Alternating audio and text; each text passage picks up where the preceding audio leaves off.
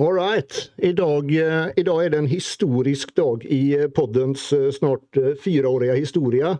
Och ja, lite över 200 avsnitt.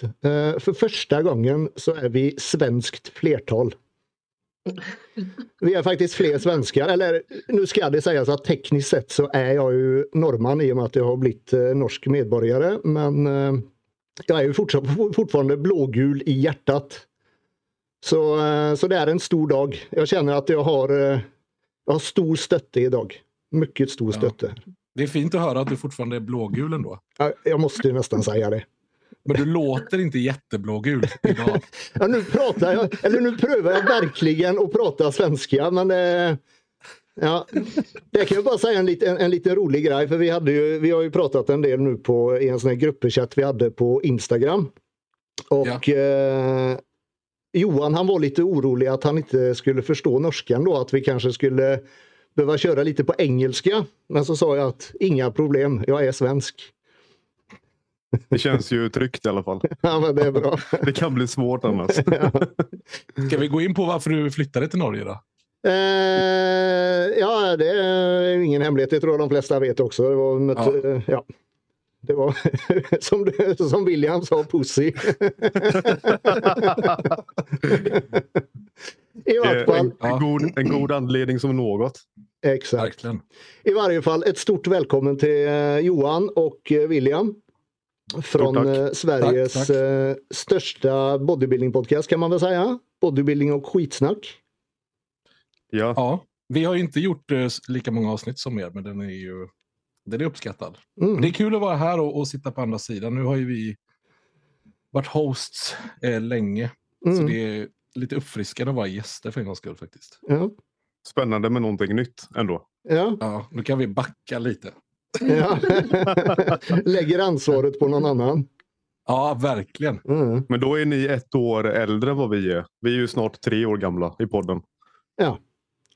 Jag startade, eller jag och en till startade egentligen i i 2020. Det var egentligen bara meningen att vara en... eh, Det var egentligen inte meningen att det skulle bli en podd en gång och så bara det blev så. Och så eh, hoppade Ja. han av eh, efter en stund och så kör, fortsatte jag själv då och sen då lite senare då så kom Heidi och resten av gänget in. Då.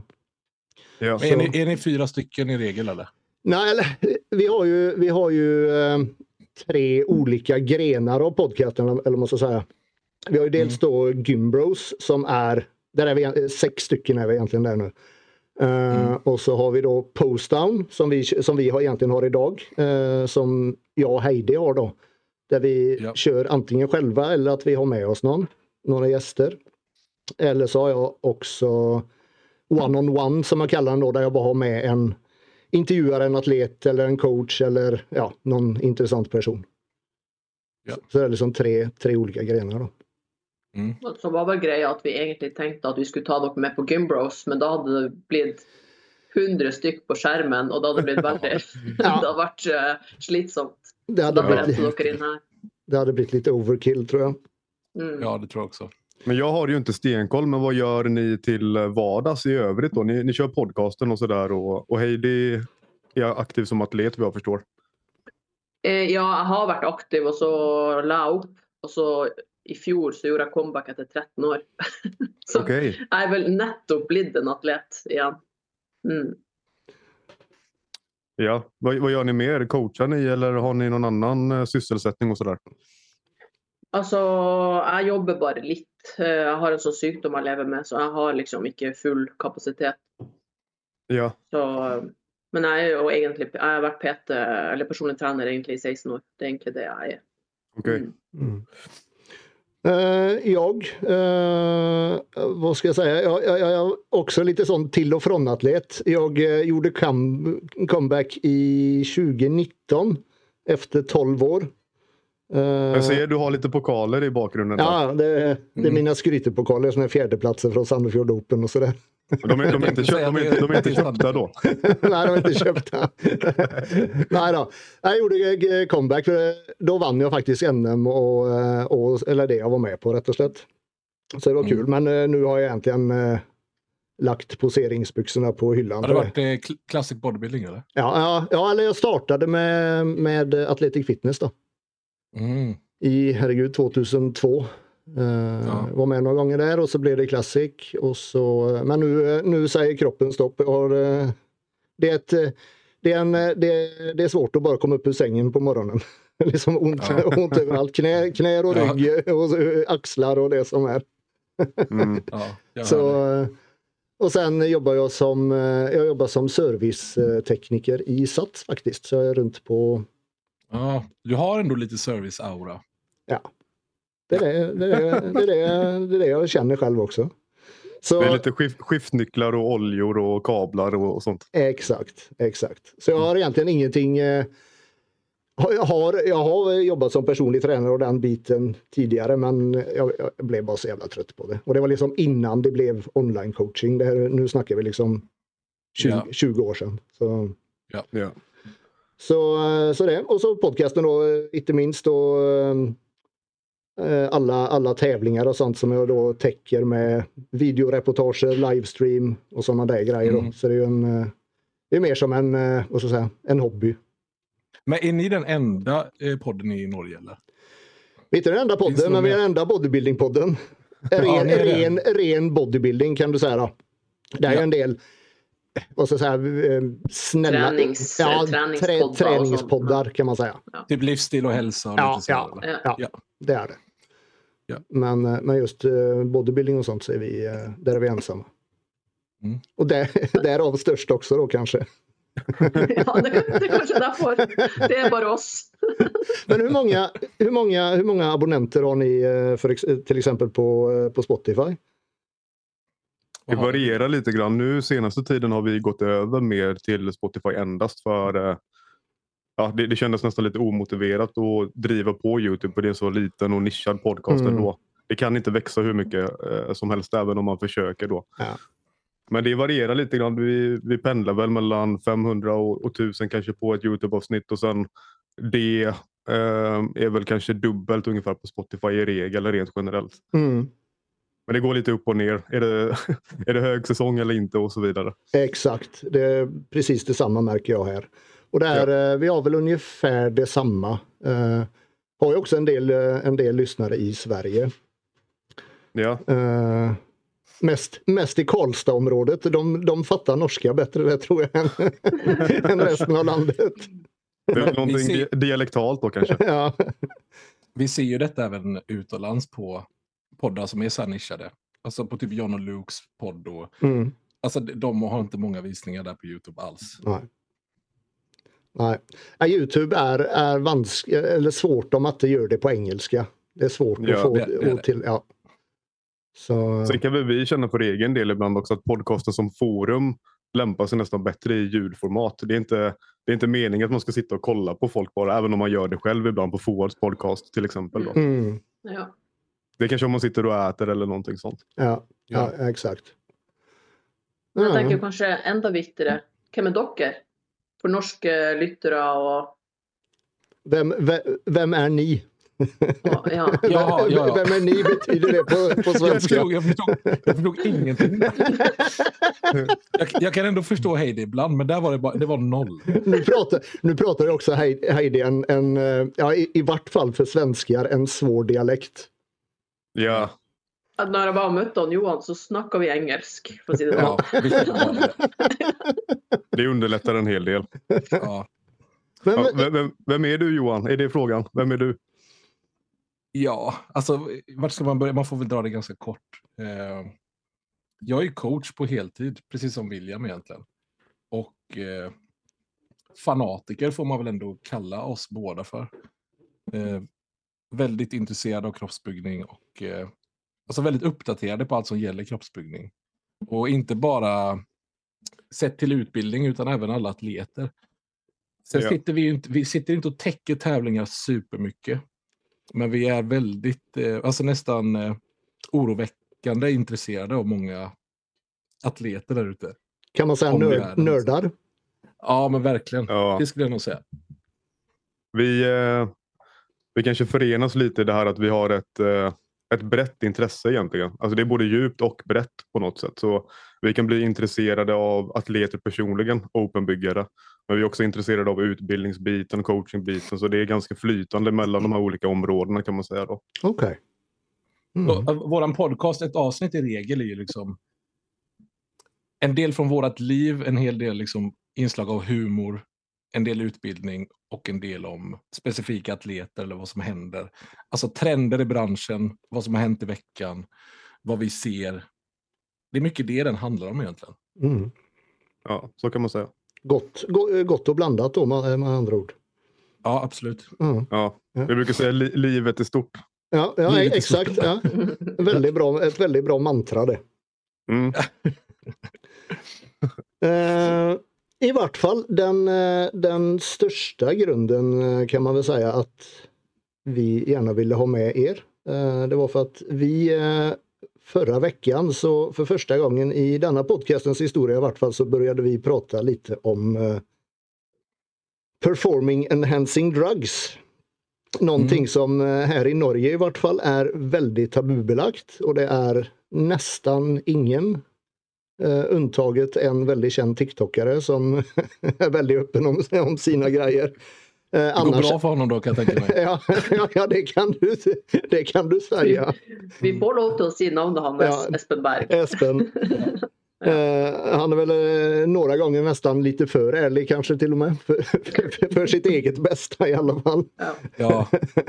men, Vi hänger inte så mycket på TikTok men det, det jag upplever därifrån är att det kan vara svårt att fastställa hur sanningsenligt allting är där. Det är ja. väldigt mycket content men det är svårt att kanske bestämma kvaliteten på den alltid.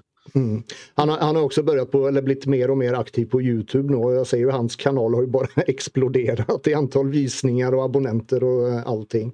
Ja. Så, så, så det är ett tema som jag vet eh, många önskar att det pratas mer om och som jag själv alltid har önskat att prata om. Men ingen av oss egentligen riktigt vågat. Men som jag och Heidi då eh, pratade om eh, här för några veckor sedan nu att det, det är ju inte förbjudet att prata om, om olagliga saker. Man kan prata om det och man kan som Johan sa innan vi startade att man kan prata om det i ett utbildande syfte. Precis, ehm. utbildning och underhållning är någonting annat än rekommendationer. Exakt, exakt. Ja. Och det är ju det. Och ja, och som vi snackade om att det är ju aldrig bra att ting ties ihjäl. Att det är ingen som snackar om det. Det är ju inte bra. Och vi hör ju, jag har ju varit i den här idrotten i 20 år nu. Ja. Och de psyke tingene jag hör som folk håller på med, det är ju för att ingen snackar om det. Exakt. Ja. de har ingen plats att hämta något korrekt info från det. Så det, det är ju, för mig då, så är det liksom viktigt att få fram att man må snacka om det här. Det kan inte ja. vara så tabubelagt att folk ödelägger livet sitt, för det är faktiskt många av det som sker. Mm. Exakt. För det är ingen, Nej, det, ingen info. Ett stort problem är ju att, att vi inte pratar om det. Mm.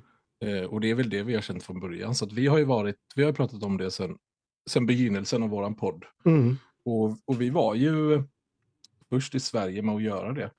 Eh, jag, jag märker fortfarande att jättemånga liksom profiler dra sig ifrån att prata om det. Jag, jag förstår inte riktigt varför. Jag tror att många är liksom oroliga då för, för att hamna i trubbel med lagen själva. Men det är inte riktigt så det ser ut. Mm. Eh, det har aldrig sett ut så för mig till exempel. Mm. Sen behöver man ju aldrig prata om vad man själv gör eller tycker eller känner. Men... Exakt, exakt. Man kan prata om det på generell basis. Ja. Mm. Verkligen. Mm. Och så ser vi ju på alla de spörsmålen som har kommit in att det är ju väldigt många som har behov för att faktiskt snacka om det eller alltså bara den flowen med spörsmål som kom in så skönjer ju vi att det här är ju något folk faktiskt har behov för att höra en podd om. Mm.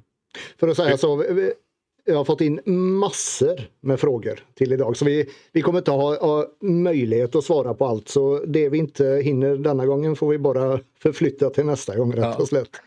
Vi, vi är vana, vi, vi brukar hinna med två, tre frågor. Sen är det, liksom...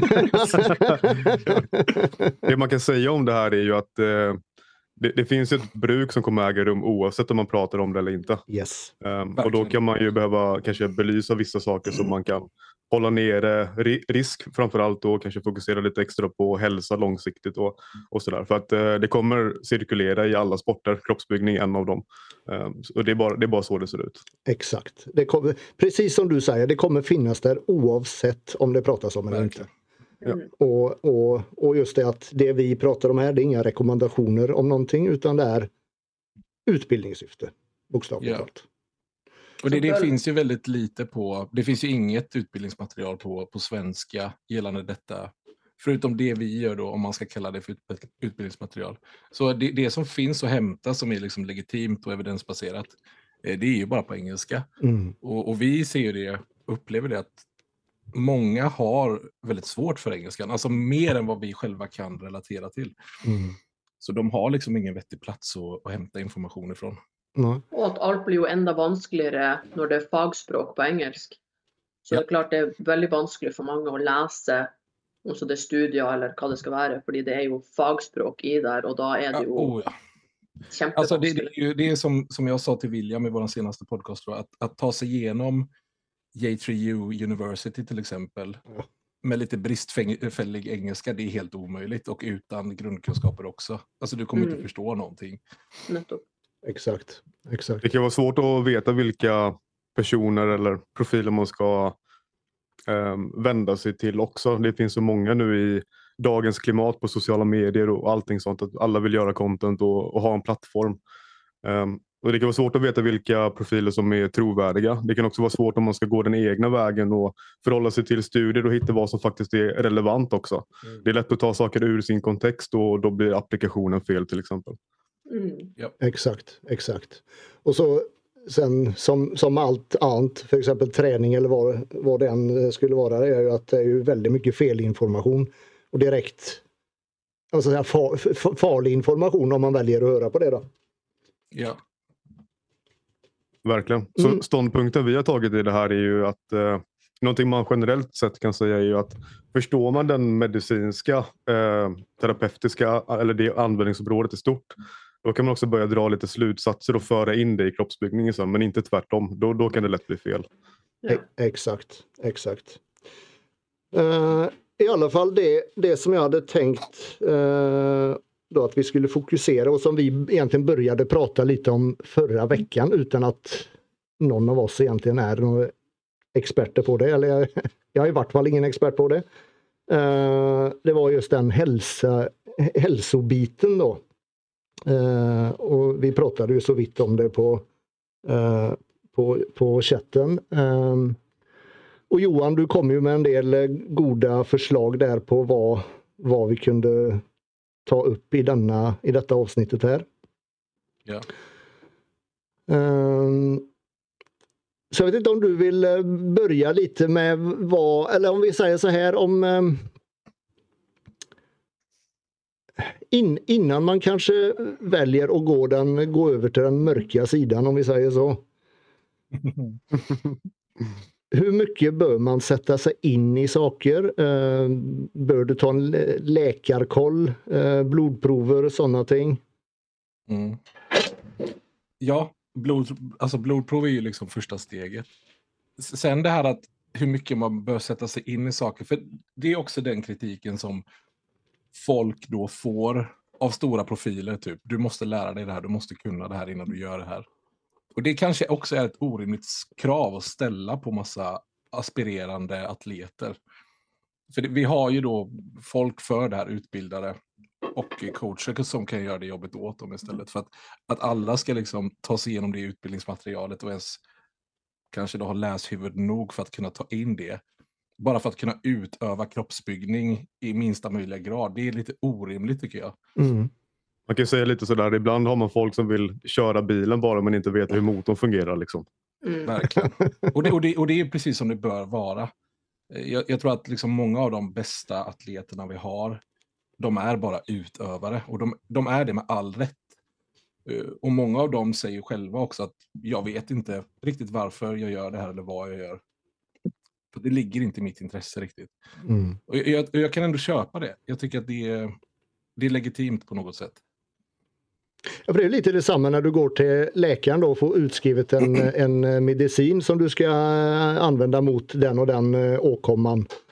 Du, ja. du, du sätter dig inte in i allting runt den medicinen. Man läser Nej, ju aldrig det här vedlägget som, som, som, ligger med. Du läser ju aldrig någonting om biverkningar och grejer på den. Det, det kanske man borde göra ibland. Så... Ehm, men blodprov säger du, det är en eh, smart grej att göra i vart fall. Ja, börja titta på alltså, vart eh, dina könshormoner är naturligt innan vi startar upp någonting. Och det, det här gäller både kvinnor och män såklart. Men kanske ännu viktigare för kvinnor, för där är det oftast att man liksom hoppar över många avgörande steg och går direkt på en androgen. Eh, och det, det är ju så det bruket har sett ut på kvinnosidan i, i väldigt, väldigt, väldigt många år. Och jag, jag säger det ofta, att jag, jag, kan tycka synd om många kvinnor som kom in i det här för fem år sedan till och med, men ännu längre bak i tiden. Då, att de har liksom missat mycket av det som vi vet idag. Så de har heller inte kunnat ha möjligheten till att göra saker på ett bättre sätt. Då. Eh, det, det, är den här klassiska, liksom, vi ska inte ens kalla det för blast, för det är inga mängder vi pratar om egentligen. Men de har sin anavar eller sin primokur och den är liksom förbestämd för att de vet om att den är hållbar, ohållbar menar jag, så att den behöver vara förbestämd. Man kör slut på kroppen där och sen behöver man kliva av den. Um, och så håller det bara på så fram och tillbaka. Och, och, och, det är liksom ingen bra väg att gå för, för kvinnor. För, för män är det ju liksom en, eh, en annan grej när vi inte pratar, för att virilisering är inget problem för män. Här är det mer en hälsoaspekt vi pratar om då, riskmitigering. Mm. Ur, ur ett kvinnoperspektiv så självklart är det intressant och relevant, men det är inte liksom den eh, belastningen på kroppen alls då. Sett till eh, organ och hälsomarkörer överhuvudtaget. Utan det är mycket mer en viriliseringsfråga med kvinnor. Mm. Mm. Kvinnor och eh, barn är likadana på det sättet att de är androgenkänsliga och män är inte det. Ja. Mm. Så det är en helt annan respons där. Och, och som Johan sa, det, det, har inte att göra med compounden i sig. Så en anavar eller primo kan vara väl motiverad i vissa fall. Men är det så att den hamnar i fel miljö kan det skapa problem. Eller fel tidpunkt också. Så det är viktigt att, att förstå olika compounds, hur de fungerar, vilka mekanismer det är och sen placera dem på rätt ställen egentligen. Mm. Mm. För där många kvinnor är idag då som har tävlat i många år, det är att de har gjort sina Anavaro och Primokurer och kanske till och med tagit lite sämre beslut än det också då. Kanske någon Vinstror som åkte in, någon EQ, någon MPP, kanske till och med Tren i vissa fall. Och då har vi liksom en, en kort och aggressiv, eh, ganska då eh, alltså tid med, med fin utveckling. Där allting är väldigt roligt och det går bra. Och sen blir de då tvungna att hoppa av på grund av viralisering. då, alltså androgena biverkningar, manliga biverkningar som kommer krypandes. Det kan vara allt ifrån håravfall, hårtillväxt, förstora klitoris, bröst. Någonting gör att de vill bryta i alla fall. Och då går de ifrån den här liksom superanabola miljön ner till netty. Det kanske till och med har eh, alltså egna könshormoner naturligt som redan är på en dålig plats också. Så de är på en jättedålig och tråkig plats. Och har fått virilisering här då.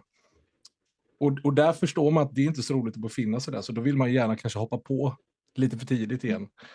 Trots att man inte borde det då. Och, och sen håller det bara på i en ond spiral så. Mm.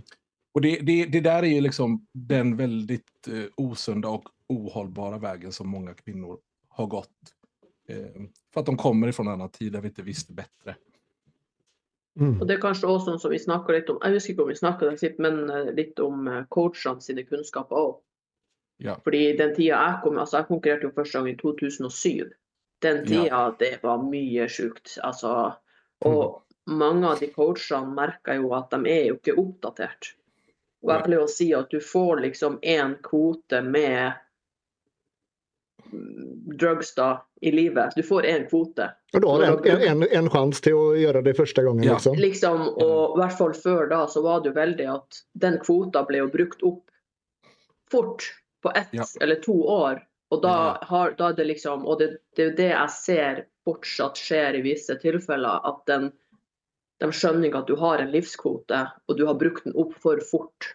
Ja. Og det er jo det som på en måte i korte trekk da blir sagt her, da. At ja. eh, ja, må, det jo derfor vi vill snacka om liksom, eh, bruk på mer försvarlig måte.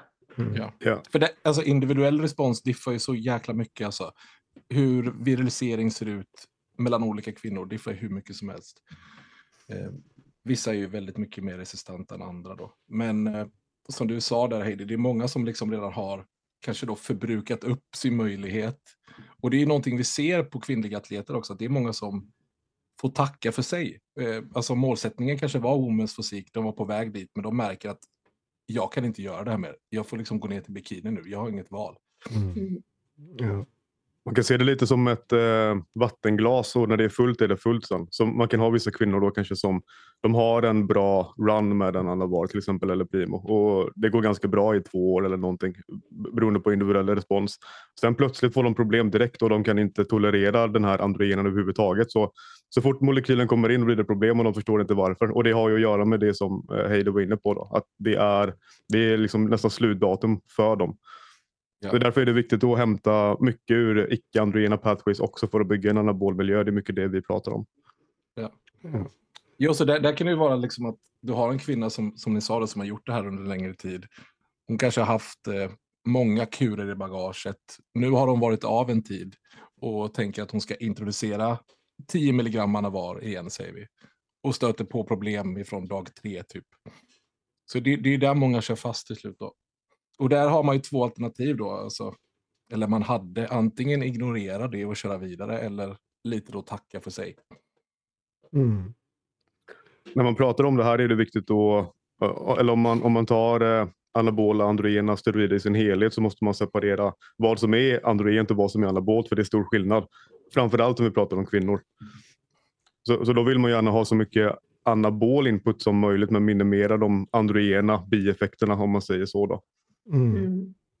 Det är just då, det är ju Annavaro och Primo man hör, man hör är för, för kvinnor då. Det är liksom det man hör ska vara ja. det bästa för dem. Det är ju de här DOT-derivaten då. Mm. Anavar, Primo, Mast är ofta eh, med där också i den samlingen. Och det är framförallt för att de är anabola men inte så androgena just, just på, på grund av den anledningen som jag sa då. Mm. Men just för att motverka att man hamnar i den onda cirkeln då. Mm. Ja, men alltså, det, det, man får börja med, om, om vi ska kanske prata lite om kvinnor då. Mm. Så först och främst se vart könshormoner är någonstans naturligt. För att vi måste ha liksom testosteron naturligt på en bra plats. Eh, är det för lågt så är det egentligen första åtgärden. Östrogen är också högst relevant här. Eh, alltså testosteron är någonting som man kan se som ett liksom, bastillväxtankare. Är det ett bra ordval William? Eller? Ja, det måste man ju säga. Så, testosteron erbjuder ju en baseline av eh, en eller hormonell profil egentligen. Så du har ju konvertering till DOT då. Eh, och sen har du aromatisering till östrogenet. Så, så du täcker liksom den kvoten och det behöver vara baseline och ankare på grund av den anledningen som Johan sa då. Det blir också basen för hälsan. Alltså hjärta, hjärna, njurar. Vi kan liksom även titta på penis och fiffi också. Alltså, testosteronet är ju högst avgörande här för att saker och ting ska fungera ordentligt. Mm. Och för att vi ska kunna liksom nyttja våra DHT-derivat på ett bra sätt också framåt. Men det är liksom första steget. Se till så att eh, könshormoner är på en bra, alltså en optimal plats då. Inte för låga. Är de för låga så vill vi helst åtgärda det först. Sen har vi... Där må bare skyte inn, da, sånn som vi snakket om eh, Andreas i podden vår sist. OK, da. ok, Start med å ta blodprøver, men du må ha noen som leser de blodprøvene til deg. For fastlegen i Norge vil ikke med en kvinne som har lav testosteron, fastlegen trenger ikke å si noe som helst om det. Mm. De som hører på at uh, når du tar de blodprøvene og skal sjekke at alt er som det skal før du gjør noe som helst, så må du ha noen som faktisk leser dem riktig av til deg. Fordi legen trenger ikke å si noe om det han Johan snakker om. Nei. Exakt. Och, alltså, och, och, ibland får vi komma ihåg också att vi, så här, vi kan ställa kanske vissa orimliga krav på läkare också. För att mycket av det som vi ber om här i, i hela vår kontext eller miljö, det är liksom önsketänkande. Eh, vi vill gärna ha ett optimalt testosteron. Läkaren kommer inte se att vi måste ha det, för det, det är inget liksom, problem för en Svensson. Ehm, mm. Jag jobbar med kvinnor som har PCOS och då, då har vi liksom problem med inflammation, sköldkörtel, blodsocker.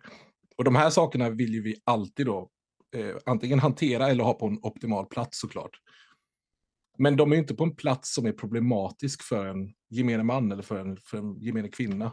Mm. Men vårt önsketänkande är att vi gärna vill ha dem optimalt. Så, så där, kom, där behöver man liksom landa i att läkarna kommer sällan hjälpa oss med det.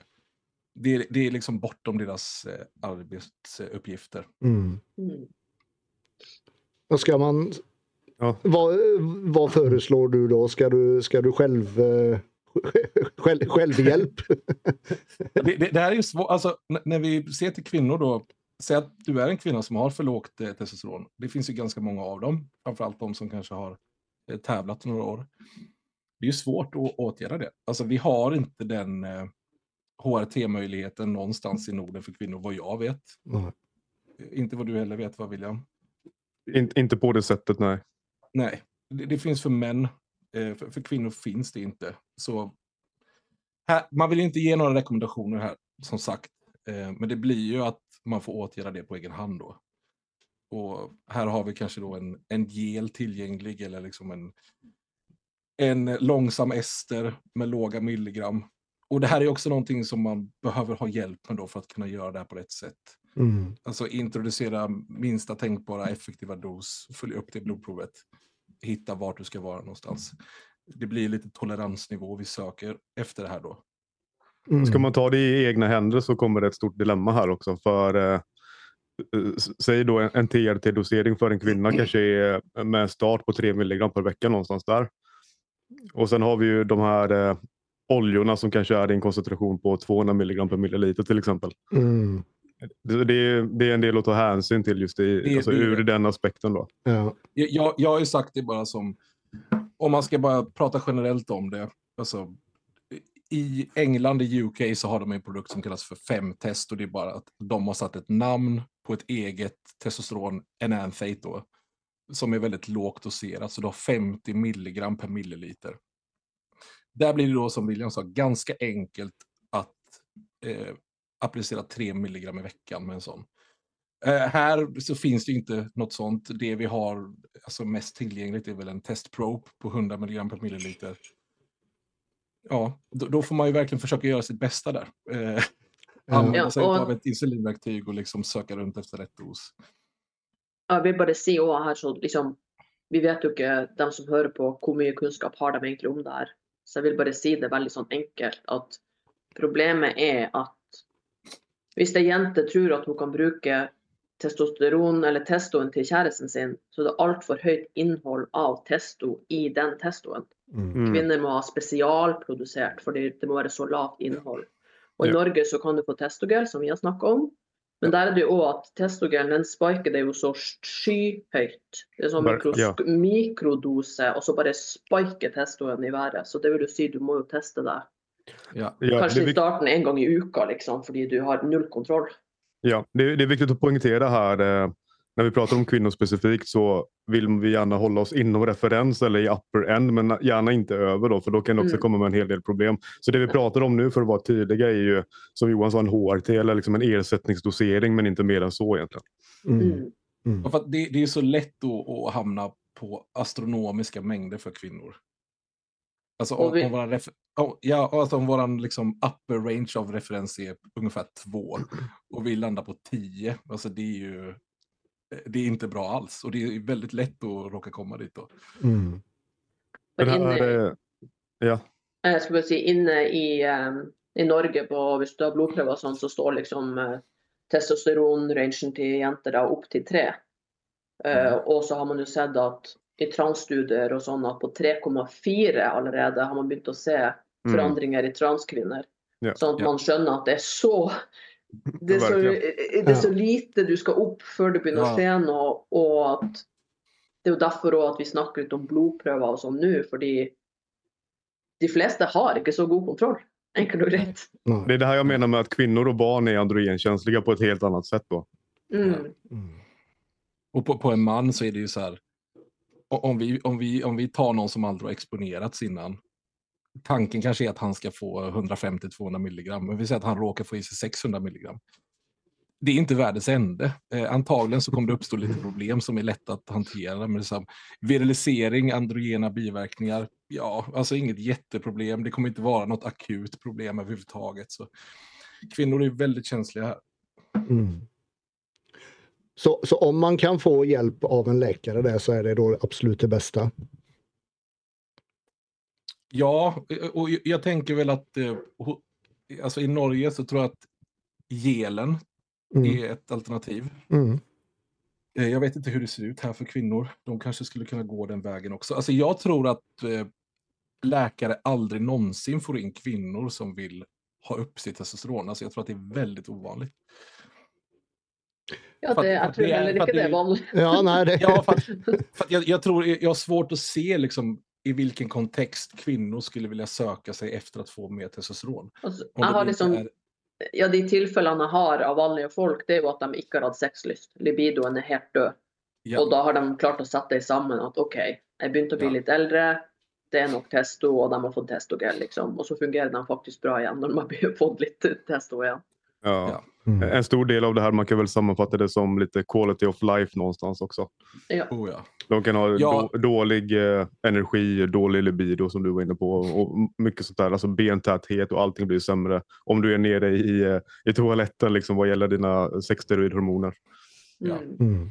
ja, men generell hälsa är ju sämre. Så det, det, är jätte, det är såklart jättemånga kvinnor som behöver eh, testosteron. Eh, där, de behöver ju liksom komma fram till att de behöver det också.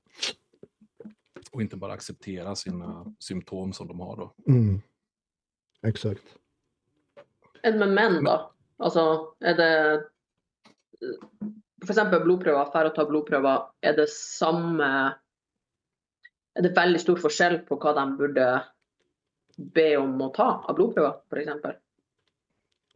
Alltså, jag vet inte hur det ser ut hos er, men vi har ju möjligheten att bara... Vi kan bara gå in på internet nu, köpa ett blodprov. Vi väljer själv vilka markörer vi vill ha med. Och så kan vi bara gå på måndag och ta det. Ja, vi kan det på först. Ja, det kan vi också. Det kan vi också. Ja. Men vad, om vi tar då eh, kvinnor som vi var inne på. Vad, vad bör en kvinna, vilka markörer bör hon ta? Och så kan vi ta män efteråt. Alltså det, det är samtliga hälsomarkörer som alltid. Mm. Så omfattande som möjligt såklart. Eh, men könshormoner, testosteron, östrogen, progesteron. Mm. Eh, det är relevant här. Mm. När vi pratar, alltså om, om, vi ser till en kvinna som kanske ska gå från netti till att då påbörja en exponering av någonting. Men även om vi har en, liksom, någon atlet som har tävlat innan och kommer till oss så är det också första steget. Mm. Det är viktigt att se vart, vart, man är. För ett blodprov är ju bara en, alltså ett snapshot i, i tiden här och nu, akut egentligen. Mm. Ja. Så det är viktigt att se om man behöver ta hänsyn till någonting för att gå vidare, men också att ha det för att kunna följa trenderna sen över tid. Mm. Mm. Ja. Så skulle, skulle det komma en kvinnlig atlet till mig som har tävlat i tio år, så är det fortfarande samma process som vi kommer gå igenom då från början. Mm. Okej. Okay. Och då, då, då angående, angående blodprov. Om vi säger att vi har en, en atlet då som, är, eh, som är, är nu helt av eh, men då ska, eh, ska gå på. Tar du då både blodprov innan, innan det påbörjas och så und, under, under vägen liksom och efteråt? Ja. Sen, sen, sen är det så här, vad är, vad är efteråt? För att här får man ju se kanske lite olika faser då under året, alltså vad har vi planerat att göra? Mm. Och, och, det, det blir också högt, högst individuellt då. Eh, och det kommer vara samma sak om vi då ska nyttja någon androgen. Den ska planeras ut, exponeringen av den ska planeras ut över året. Vart ska den in i så fall? Vart är det mest lämpligt eller till och med motiverat? Eh, det här kommer ju också diffa då mycket. Men eh, ser man till en tävlande atlet, vilket vi kanske ska förhålla oss till då, den kontexten, ja, då kommer det vara inför tävling, är ju liksom ett motiverat eh, tillfälle att få in en androgen då. Och eventuellt då rimligtvis någon gång i en push-up-fas. Mm. Och där kan man ju också prata om när den borde komma in. Och det, det, det, det är ganska mycket man behöver gå igenom där. Men, men kortfattat så är det ju, som sagt, först och främst, eh, det är ganska självklart i en eh, tävlingsdiet då, slutskedet. Men i en push-up, där pratar vi mest om där allting är på en bra plats. Alltså hälsan är på en bra plats. Mat, prestation, återhämtning, sömn, relationer, generellt välmående. Alltså vi, vi vill ha en så bra miljö som möjligt. För den här androgenen som ska komma in nu, den har, det finns ju en tidsbegränsning på den. Mm. Så under den tiden i en push-up-fas då till exempel, där vill vi se till att den här atleten kan göra ett så bra jobb som möjligt under den exponeringen då. Exakt. Exakt. En, eh, en vettig utgångspunkt för alla atleter som är assisterade på något sätt ska ju vara att man följer upp var eh, tionde, tolfte vecka kanske. I, i alla fall i, i, rent generellt och det varierar ju såklart beroende på vilken disciplin, är du man eller kvinna? Vilken riskmodell är det? Vi pratar ja. vilka insatser det handlar om. Liksom. Mm. Ja. Och sen är det en del andra saker också som, som kanske rör mer av en skann av hjärtat då, till exempel som kanske inte är lika frekvent som är en gång om året inledningsvis eller varannat år över tid och sådär. Mm. Ja. Det, det, det, där är ju bra saker att göra någon gång. Det, det där är ju många ganska dåliga. Eh, för som William sa, alltså blodprovet, det är ju bara en bild, en snapshot av en akut tid.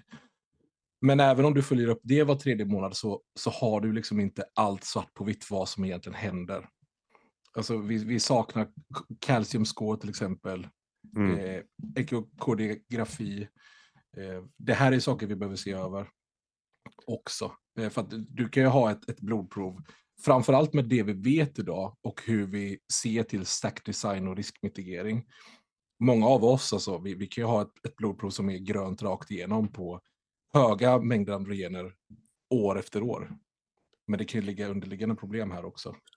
Mm. Så det vi brukar säga, man vill gärna kolla när det är som sämst egentligen. Så om du pikar under en off-season eller kanske slutfasen av en tävlingsdiet. Men det är många som kanske gör så att de, de har eh, liksom lite folders på under hela året och sen avslutar de sin diet och sen har de en recovery phase kanske när de är helt av, säg åtta veckor. då tar man ett blodprov. Det kanske mm. ser jättefint ut då, men det är ju bara just där och då. Man vill, man vill gärna se vad som för sig går under hela året. Liksom. Mm. Ja. Du nämnde Williamson eh, scan av hjärtat. Ja. Hur viktigt är egentligen det? Och då tänker jag oavsett om du är en, en eh, tungviktsbyggare eller om du är en eh, bodyfitnessjänta. Liksom. Är, det, är det oavsett så bör du göra det. Jag skulle säga att det är ganska bra för alla egentligen. För det kan, det kan finnas eh, genetiska underlag som kanske är en riskfaktor också. Sen i denna kontexten, en, en tungviktsbyggare kommer med helt andra risker då än vad en bikiniatlet gör kanske. Mm. Så det är ganska extrema ändar på det här spektrat då. Mm. Okay. Men, men, löper du risk för en eh, stroke till exempel eller hjärtinfarkt och sånt. Eh, det kan ju vara så som Johan sa, du vet inte om det. Du kan vara en, en ung tjej liksom. Eh, eller en äldre kroppsbyggare som har tävlat i 15 år. Det, mm. det, är inte alltid att du ser det på ett blod, blodprov utan det kan ligga underliggande då. Mm. Det, det, är någonting som kanske sjukvården borde trycka lite mer på. Jag har ändå haft eh, ja, men en man som är ganska nära mig som, som gick bort och bara en, en hjärtat bara la av på honom och han var 55 typ. Han har ju aldrig gjort en koll på någonting i hela sitt liv. Skulle han ha gjort det så hade det inte slutat på det här sättet. Mm. Så det här gäller ju verkligen gemene man också. Mm.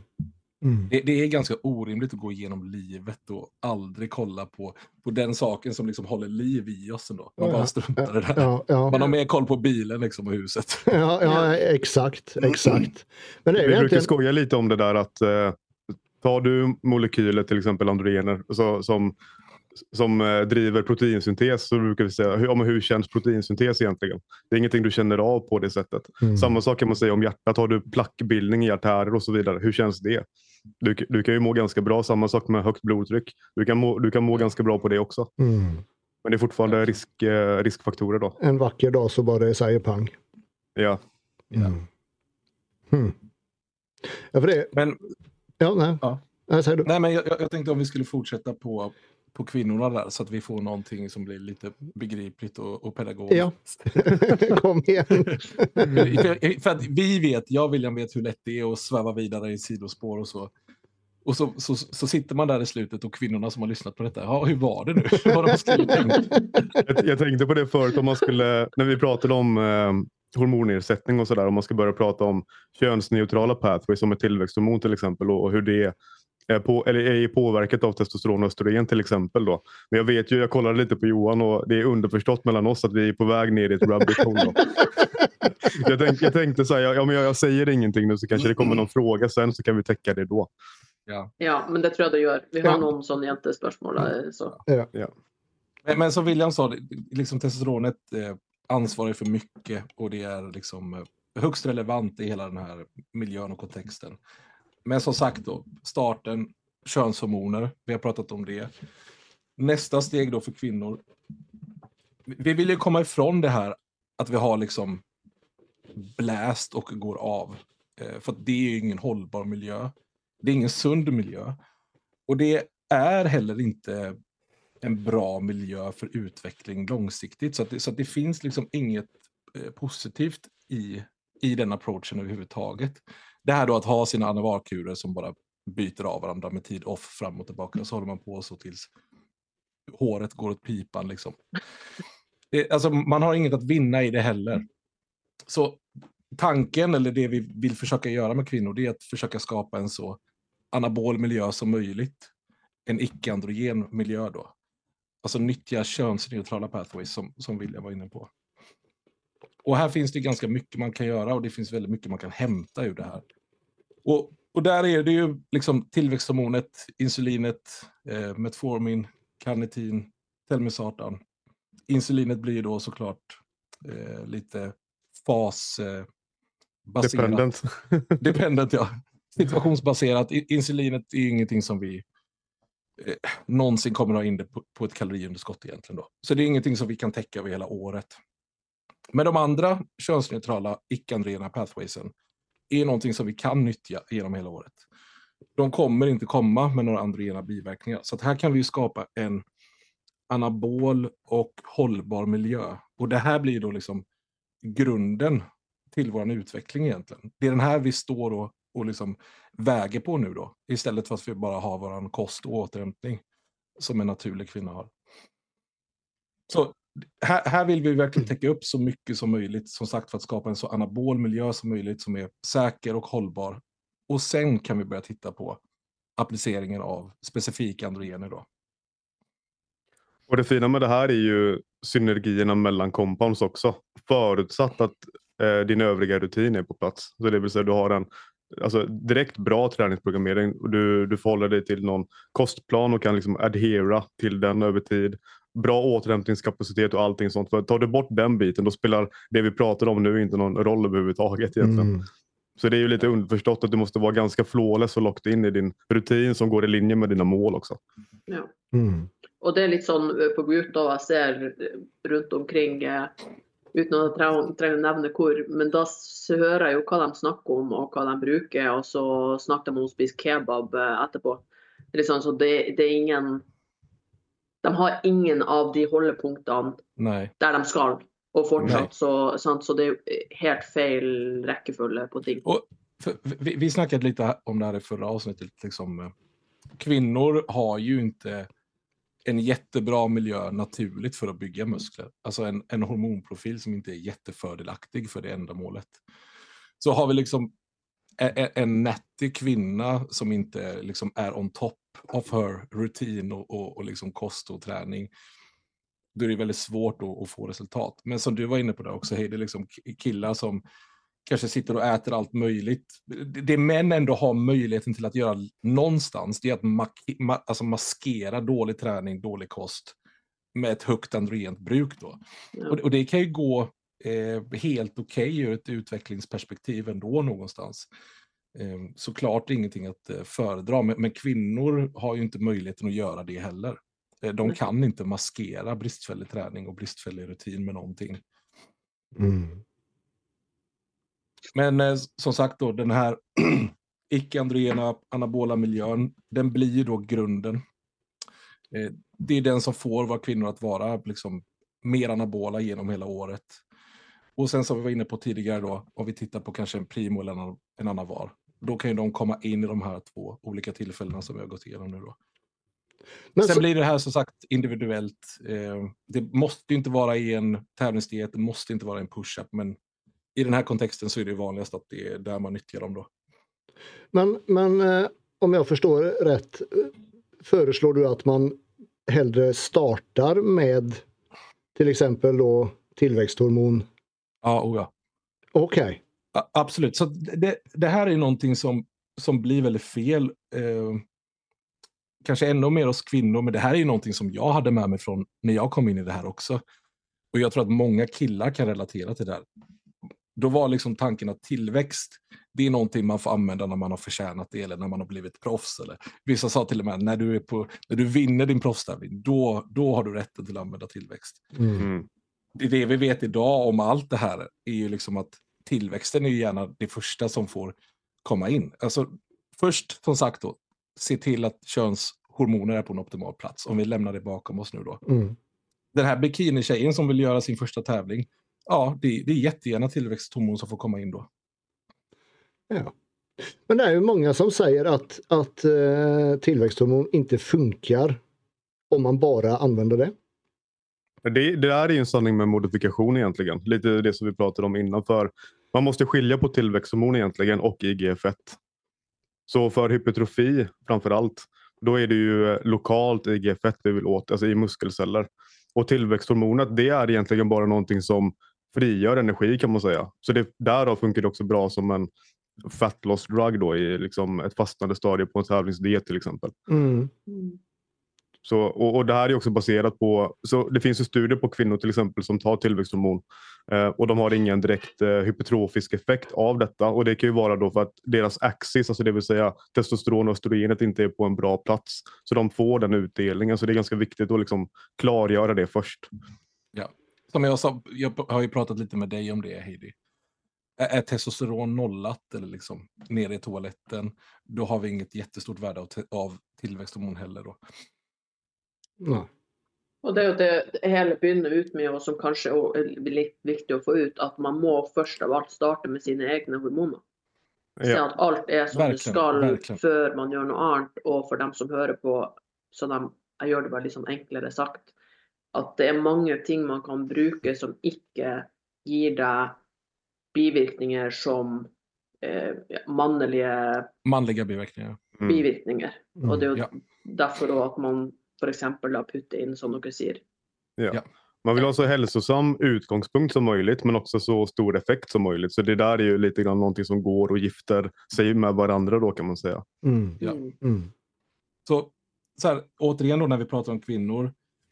Vad, vad, är den största problematiken här för en satsande kvinna? Om vi kanske pratar om ja, bikini, wellness, figure uh, och även uh, de större klasserna. Så. Alltså det, Viriliseringen, alltså de manliga biverkningarna, det är de vi behöver undvika, eller gärna vill undvika. Då.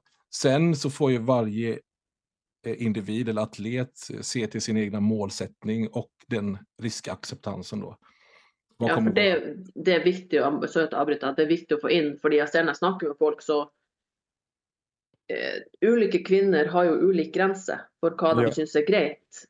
Det er mange som sier til meg 'herregud, har du sett hvordan hun ser ut', eller 'stemmen er sånn', og, men hun sjøl mm. syns det er greit. Hennes ja. grense er kanskje høyere enn hun andre jenta, så det er òg viktig at man skjønner at det er kvinnene som kanskje får mange bivirkninger. Noen av dem syns faktisk det er greit. Og det er mm. deres aksept, og det er deres eh, Så man skjønner også at før man kanskje gjør noe, så må du kjenne på din grense. Hva er din ja. grense? Verkligen. Ja. Sen vissa av de här bieffekterna är ju också Även om du kanske upplever att det inte är något problem där och då. Du är väldigt eh, målinriktad till exempel på en scen eller någonting. Men det man kanske inte alltid, framförallt om man är lite yngre, det är att det går inte backa de här eh, bieffekterna sen. Så när du är äldre till exempel, om man pratar om fertilitet eller man pratar om röst till exempel och sådana här saker. Då kanske du får liksom betala det här priset när du är äldre sen. Då. Det var ingenting du tänkte på när du var yngre och liksom aspirerande och målfokuserad och så vidare. Utan det kommer långt senare då. Mm. Mm. Allt det här är ju liksom, det är, det är ett väldigt stort eh, snack man får ta egentligen som coach då med satsande kvinnor som är unga. För att de har ju massa saker framför sig i livet. Mm. Eh, förhoppningsvis barn och eh, alltså ett liv utanför kroppsbyggning också då. För som William sa, det är lätt hänt att vara liksom en 23-åring med goda förutsättningar som bara vill ta sig fram och, och, man bryr sig inte om, om det här just nu. Vi som män, vi kan ju lite tänka så. Det vi får se till är ju liksom vår inre hälsa. Ja. Eh, Mm. Mm. det finns inga, ingen virilisering att ta hänsyn till. Eh, alltså, behöver sällan oroa oss över fertilitet heller egentligen. Eh, för kvinnor är det allting alltid mycket skörare. Mm. Mm. Sen det här med tillväxthormonet, det är ju i många fall en ekonomisk fråga då. Men, men sen samma princip gäller även för män egentligen. För om du har ett testosteron och du börjar eskalera upp det, du går superfysiologiskt. Anledningen till att det finns synergier att hämta här är att du har uppreglering av eh, androgena receptorer, av IGF-1-receptorer och så vidare. Och, och börjar man förstå den biten då kanske man också förstår att du kan få ut mer av dina redan befintliga androgener istället för att öka upp den doseringen. Så då kan du använda andra pathways och compounds för att få ut mer. Så du har den här 1 plus 1 blir 3 synergin plötsligt. Då. Till exempel med ett karnitin som Johan var inne på, en tillväxthormon och så vidare. Mm. Så, alltså, tillväxthormonet är ju någonting som man behöver få bort liksom, eh, rädsla ifrån. För att det är många som bara reagerar på, på det namnet nästan. Alltså tillväxthormon. Det är någonting som låter läskigt för typ alla bikiniatleter på hela jorden. Men de brukar skulle- säga att man, man vill inte gå runt och bli ett hormontroll, men det är inte det det handlar om riktigt. Nej. Alltså, det kommer liksom det- inte se ut som Ronnie Coleman efter eh, fyra enheter växt. Det är inte Nej, så nej. det ser ut. Alltså de, de här, jag har ju fått lite sådana här små horn här. Nu har jag keps över. Men, och, det, och det kommer ju från ett, ett längre bruk än så. Men så här, tjejer har ju ofta då en, en stor rädsla. För att jag har ju coachat många tjejer igenom den här processen. Och de har en stor, alltså en, en stor rädsla för tillväxthormon. Men de känner ingen rädsla alls för en, för en annan var. Ehm, och det här kommer ju ner till eh, okunskap då såklart. Så tillväxthormonet är ju någonting som vi ja, bör omfamna någonstans utan att ge för stora rekommendationer. Men som William sa, det är också en ekonomisk fråga. Men så här, att tänka att man ska ta den billiga vägen ut sett till fysikutveckling är aldrig en bra väg att, att gå eh, och inte hållbar heller. Mm. Samma sak är ju egentligen med insulinet också. Det är många som eh, ryggar tillbaka och är rädda för det. då. Oh ja. Eh, Men det, det är lite samma princip där också kan man säga. Även ifall det kommer med en annan risk mer akut om vi pratar om ett snabbt insulin i fel miljö. Liksom, och du kan gå hypo till exempel. Det är ju ingen bra grej. Men i, i den kontexten vi pratar om nu så är det ju förhållandevis eh, säkert då. Och, och för det här är ju liksom, om vi ser till kvinnorna och vi ser till insulin, det vi pratar om oftast över året då, förutom eh, dietscenario, det är ett basalt insulin.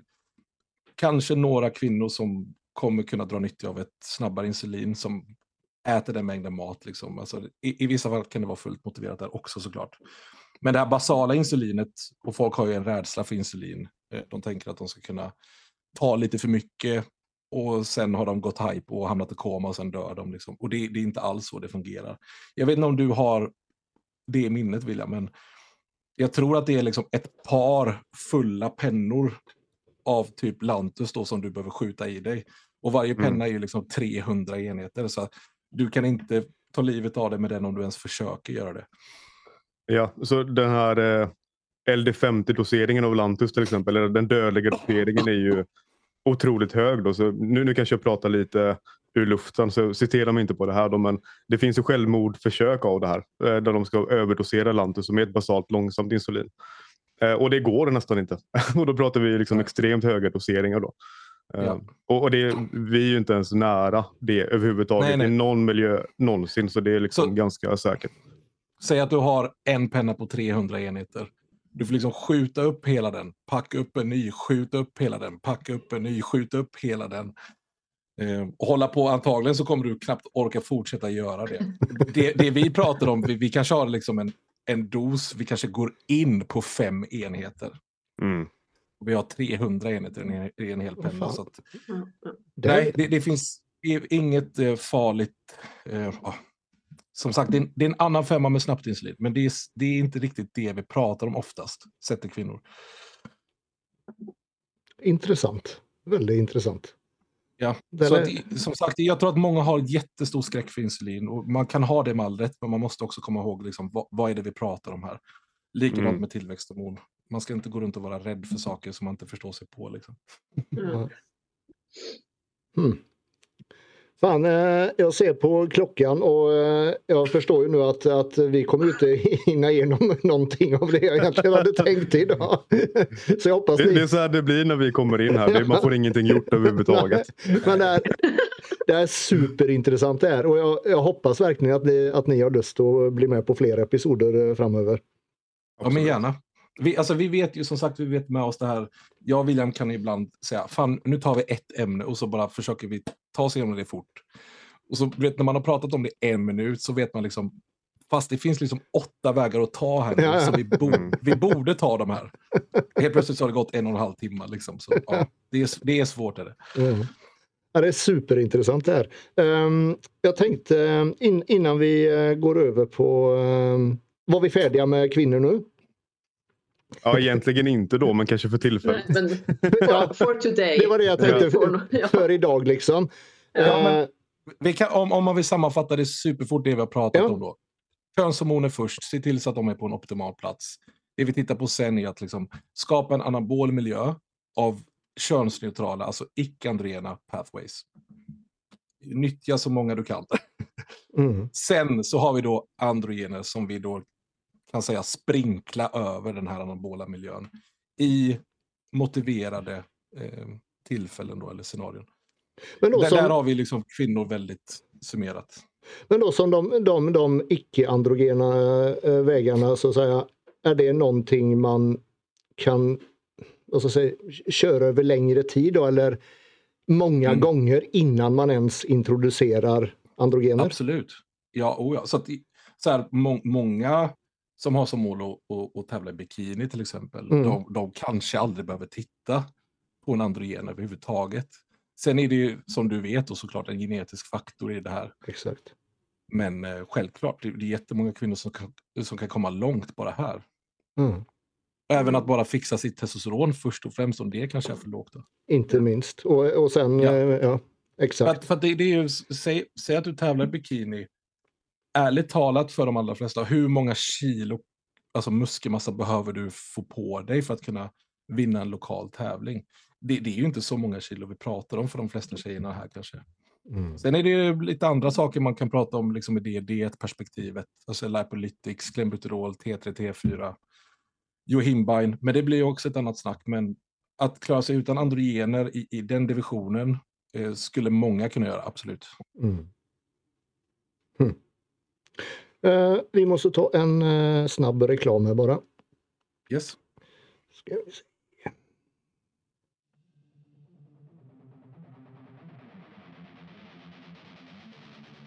Denna episod er sponset av The Shock Factor, som uten konkurranse lager Norges råeste tøy for alle oss gymrotter. Med kule design, perfekt passform og deilig stoff er det veldig vanskelig å ikke digge Shock Factor sine kolleksjoner. I tillegg er det knallgod kvalitet til meget konkurransedyktige priser. Om du er ute etter oversized og pump covers, da er old school eller graphic-kolleksjonene noe for deg, med mengder av kule design å velge mellom.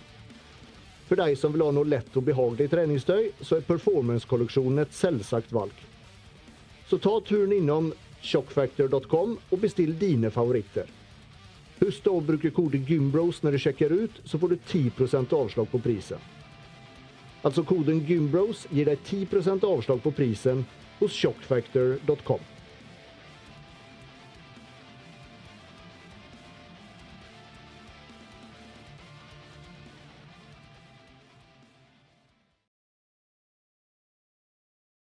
Då är vi tillbaka. Ja. Eh, jag hade faktiskt planlagt en eh, lite annan start idag. Eh, så jag tänkte vi... Har du har penna och papper där? Ja, eller jag har, jag har papper. Ingen penna. Jo, jag har penna också. Men snus har du? Snus, har snus du, har jag. jag att du, du bakade en stor förut. Jajamän. Jag är ju svensk vet du. Ja, I vart fall, jag hade faktiskt planlagt att vi skulle, i och med att vi har med oss eh, svenska gäster idag, så tänkte jag att vi ska kolla era norskkunskaper. Oh. Så... Man, man, ska ju nämna här att geografi generellt inte är Johans starka sida. Nej, så inget med I vart fall, så jag har, jag har plockat ut eh, fem norska ord. Mm. Okay. Och så ska vi se vem som får mest riktigt av er. Eller, eller att man behöver inte ha ordet eller översätta det riktigt, men den som har bäst eh, ja, bäst Och och gissning då på vad det är på vad det Mm. betyder. Det här är, det här är riktiga, riktiga ord då. Det är riktiga ord. Det är inte guleböj eller pansartax eller de grejerna. där. Guleböj, guleböj är ingenting va? Det är Nej. ingenting. Det är ingenting. Nej. Inget av de orden som alla svenskar tror är norska ord är norska ord. Nej, nej. Det är Jag tror att jag är och... helt lost där. För med mina norska klienter är det alltid bara engelska rakt av. Men vi kör igång. Då tar vi det första ordet som är tosk. Herregud. Det är, väl inte, det är väl inte fisken då antar jag? Nej, det är alltså T-O-S-K. Tosk. Okej. Du vet, det- skulle kunna vara precis vad som helst. Torsk. William trodde det var en torsk. Ja. För- för här i Sverige skulle det kunna vara att du, du torskar också då och åker fast. Alltså du, du åker fast Ja. någonting. Ja. Att du är liksom en torsk då. Ja, det har in- ingenting med det att göra. Man kan säga till någon du är en tosk. Ja. Okej. Eh, Att man är idiot då kanske? Snyggt. Snyggt! Jag tänkte ju på de som köper sex, sex då. För det är, också en, det är ju en torsk. Ja, precis. Torsk. Men vi fan bra William. Ja. Ja. Eh, 1-0 till William. Eh, nästa ord är viskelär. Men Det, det är inte vaskulär. Nej. Varför, man vill alltid bara ta det som det låter som. ja. Viskelär. Det är någonting man använder på eh, skolan för, till exempel. Okej. Viskelär. Det känns som det är liksom något eh, studiemedel på något sätt. Alltså, Kan det Kan vara det någon, vara- Form, någon, form, någon form av samling då kanske? Eller? Nej. Nej. Eh, använder på skolan sa du? Ja, någonting man använder på skolan.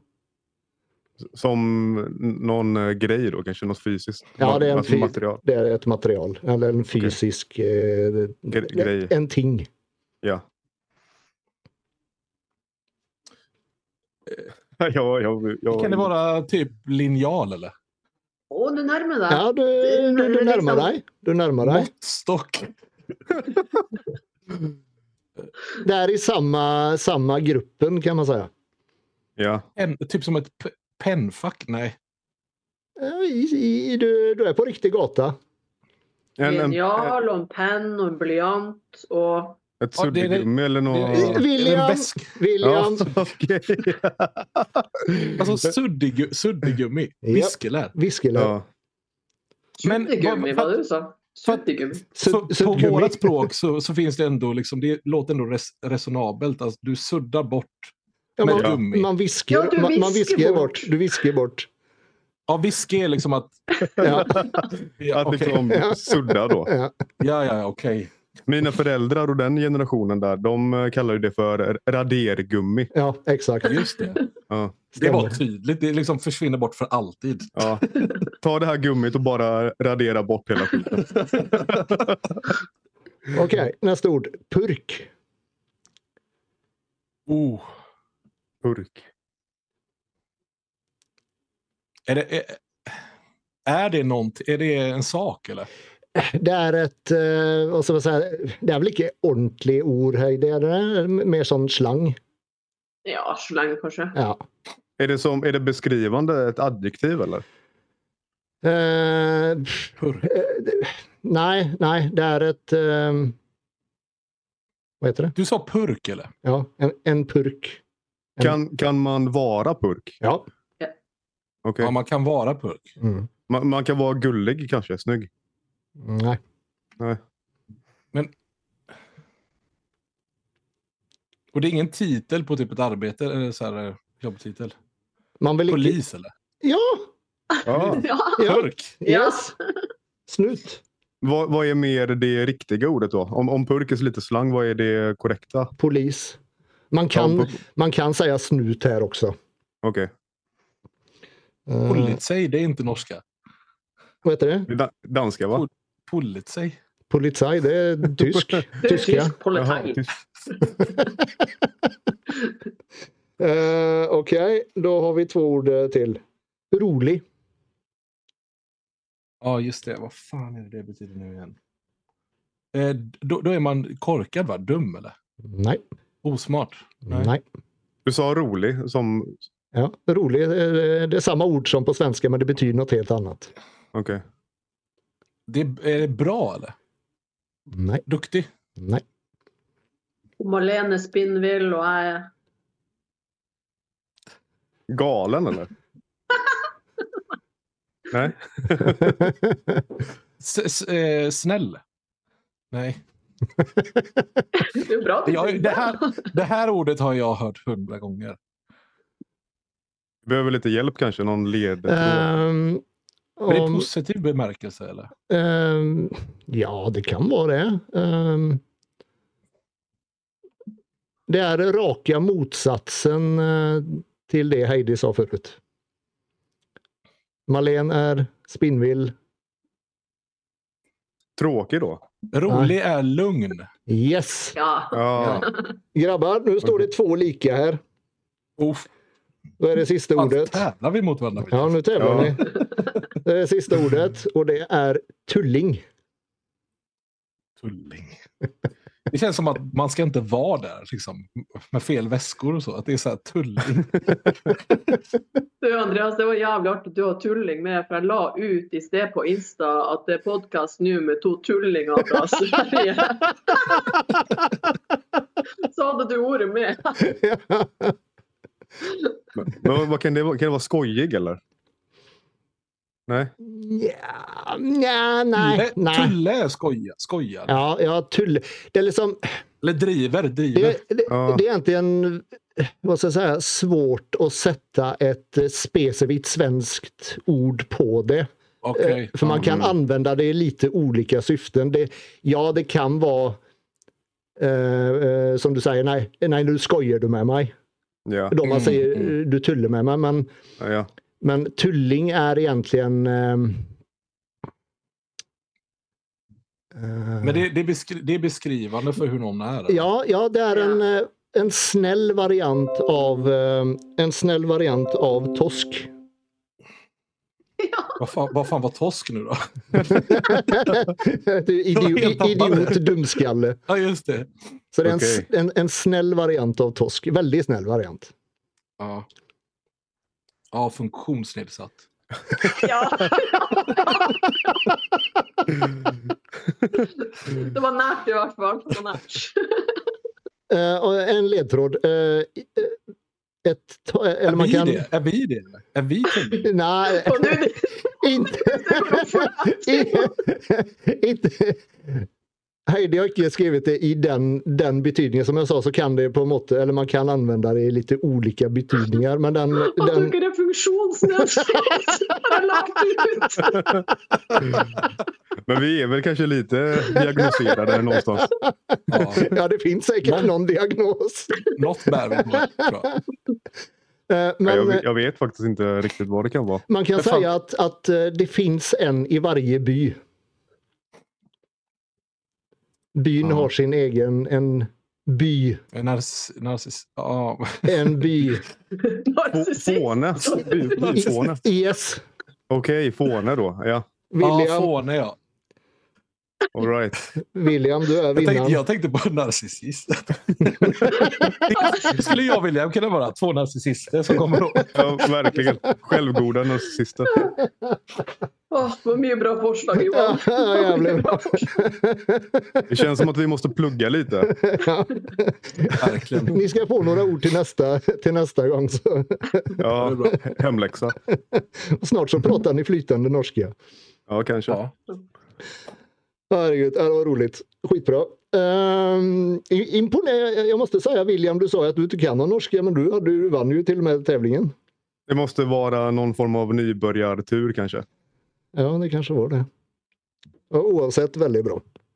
Ja. Vi, vi, vi, har ju som sagt norska klienter men det är nästan att det alltid blir översättning via Google Translate eller engelska. Ja. Det är alltid som den vägen. Jag förstår precis var, var ni är. Eh, för när jag flyttade till Norge för nu snart 25 år sedan Så då jobbade jag faktiskt samman med tre nordlänningar samma som, Heidi, som hade samma dialekt som Heidi. Mm. Och då, och då... Men Andreas, skulle du, säga, skulle du säga att Heidis dialekt är typ som norrländska här? Ja, eller liksom... ja, ja. Okej. Okay, ja. ja. Norrländska. Och, eh, och jag pratade engelska med, engelska med dem för jag fattade absolut ingenting. Nej. Eller jag fattar ju några enstaka ord men, men, eh, ja. men det är jävla konstigt Nej. egentligen att, att det ska vara men, det är, det är konstigt att, vägen. Att, att, att, ja men att eh, norrmännen förstår oss så bra och, in, och vi inte dem. Det, det får jag inte mm. Nej. Man sa ju då, då på den tiden när jag flyttade hit så, så sa man ju alltid att norrmän hade alltid haft eh, svensk tv.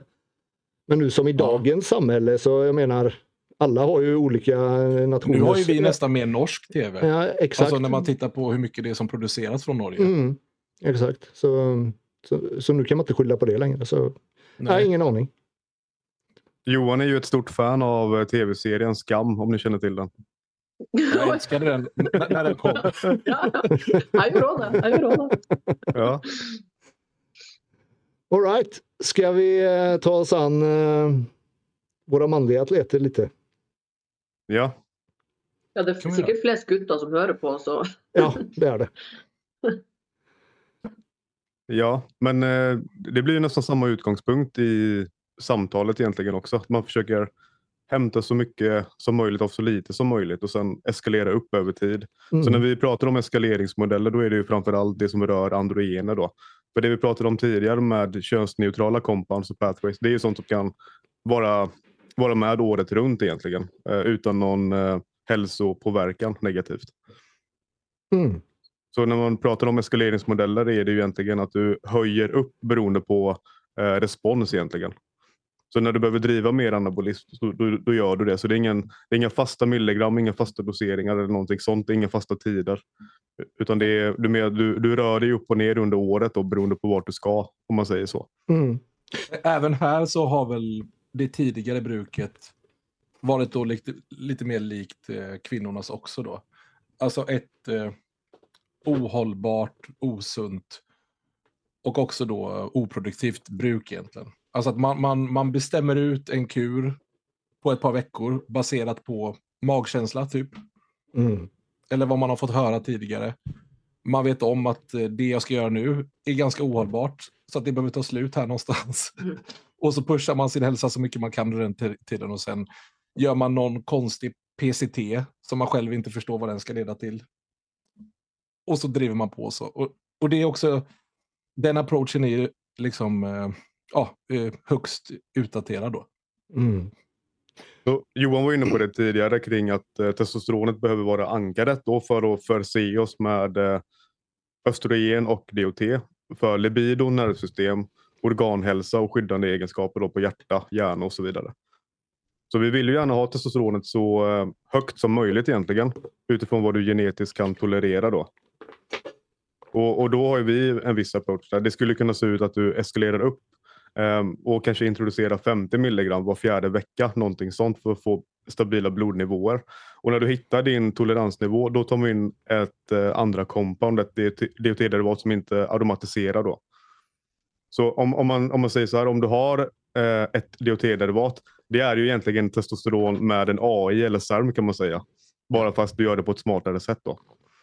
Så tanken här är ju liksom att eller först och främst så behöver vi ju eskalera androgener över tid och det finns ju ett tak på hur långt vi kan eskalera testosteron enskilt innan vi kommer stöta på problem då.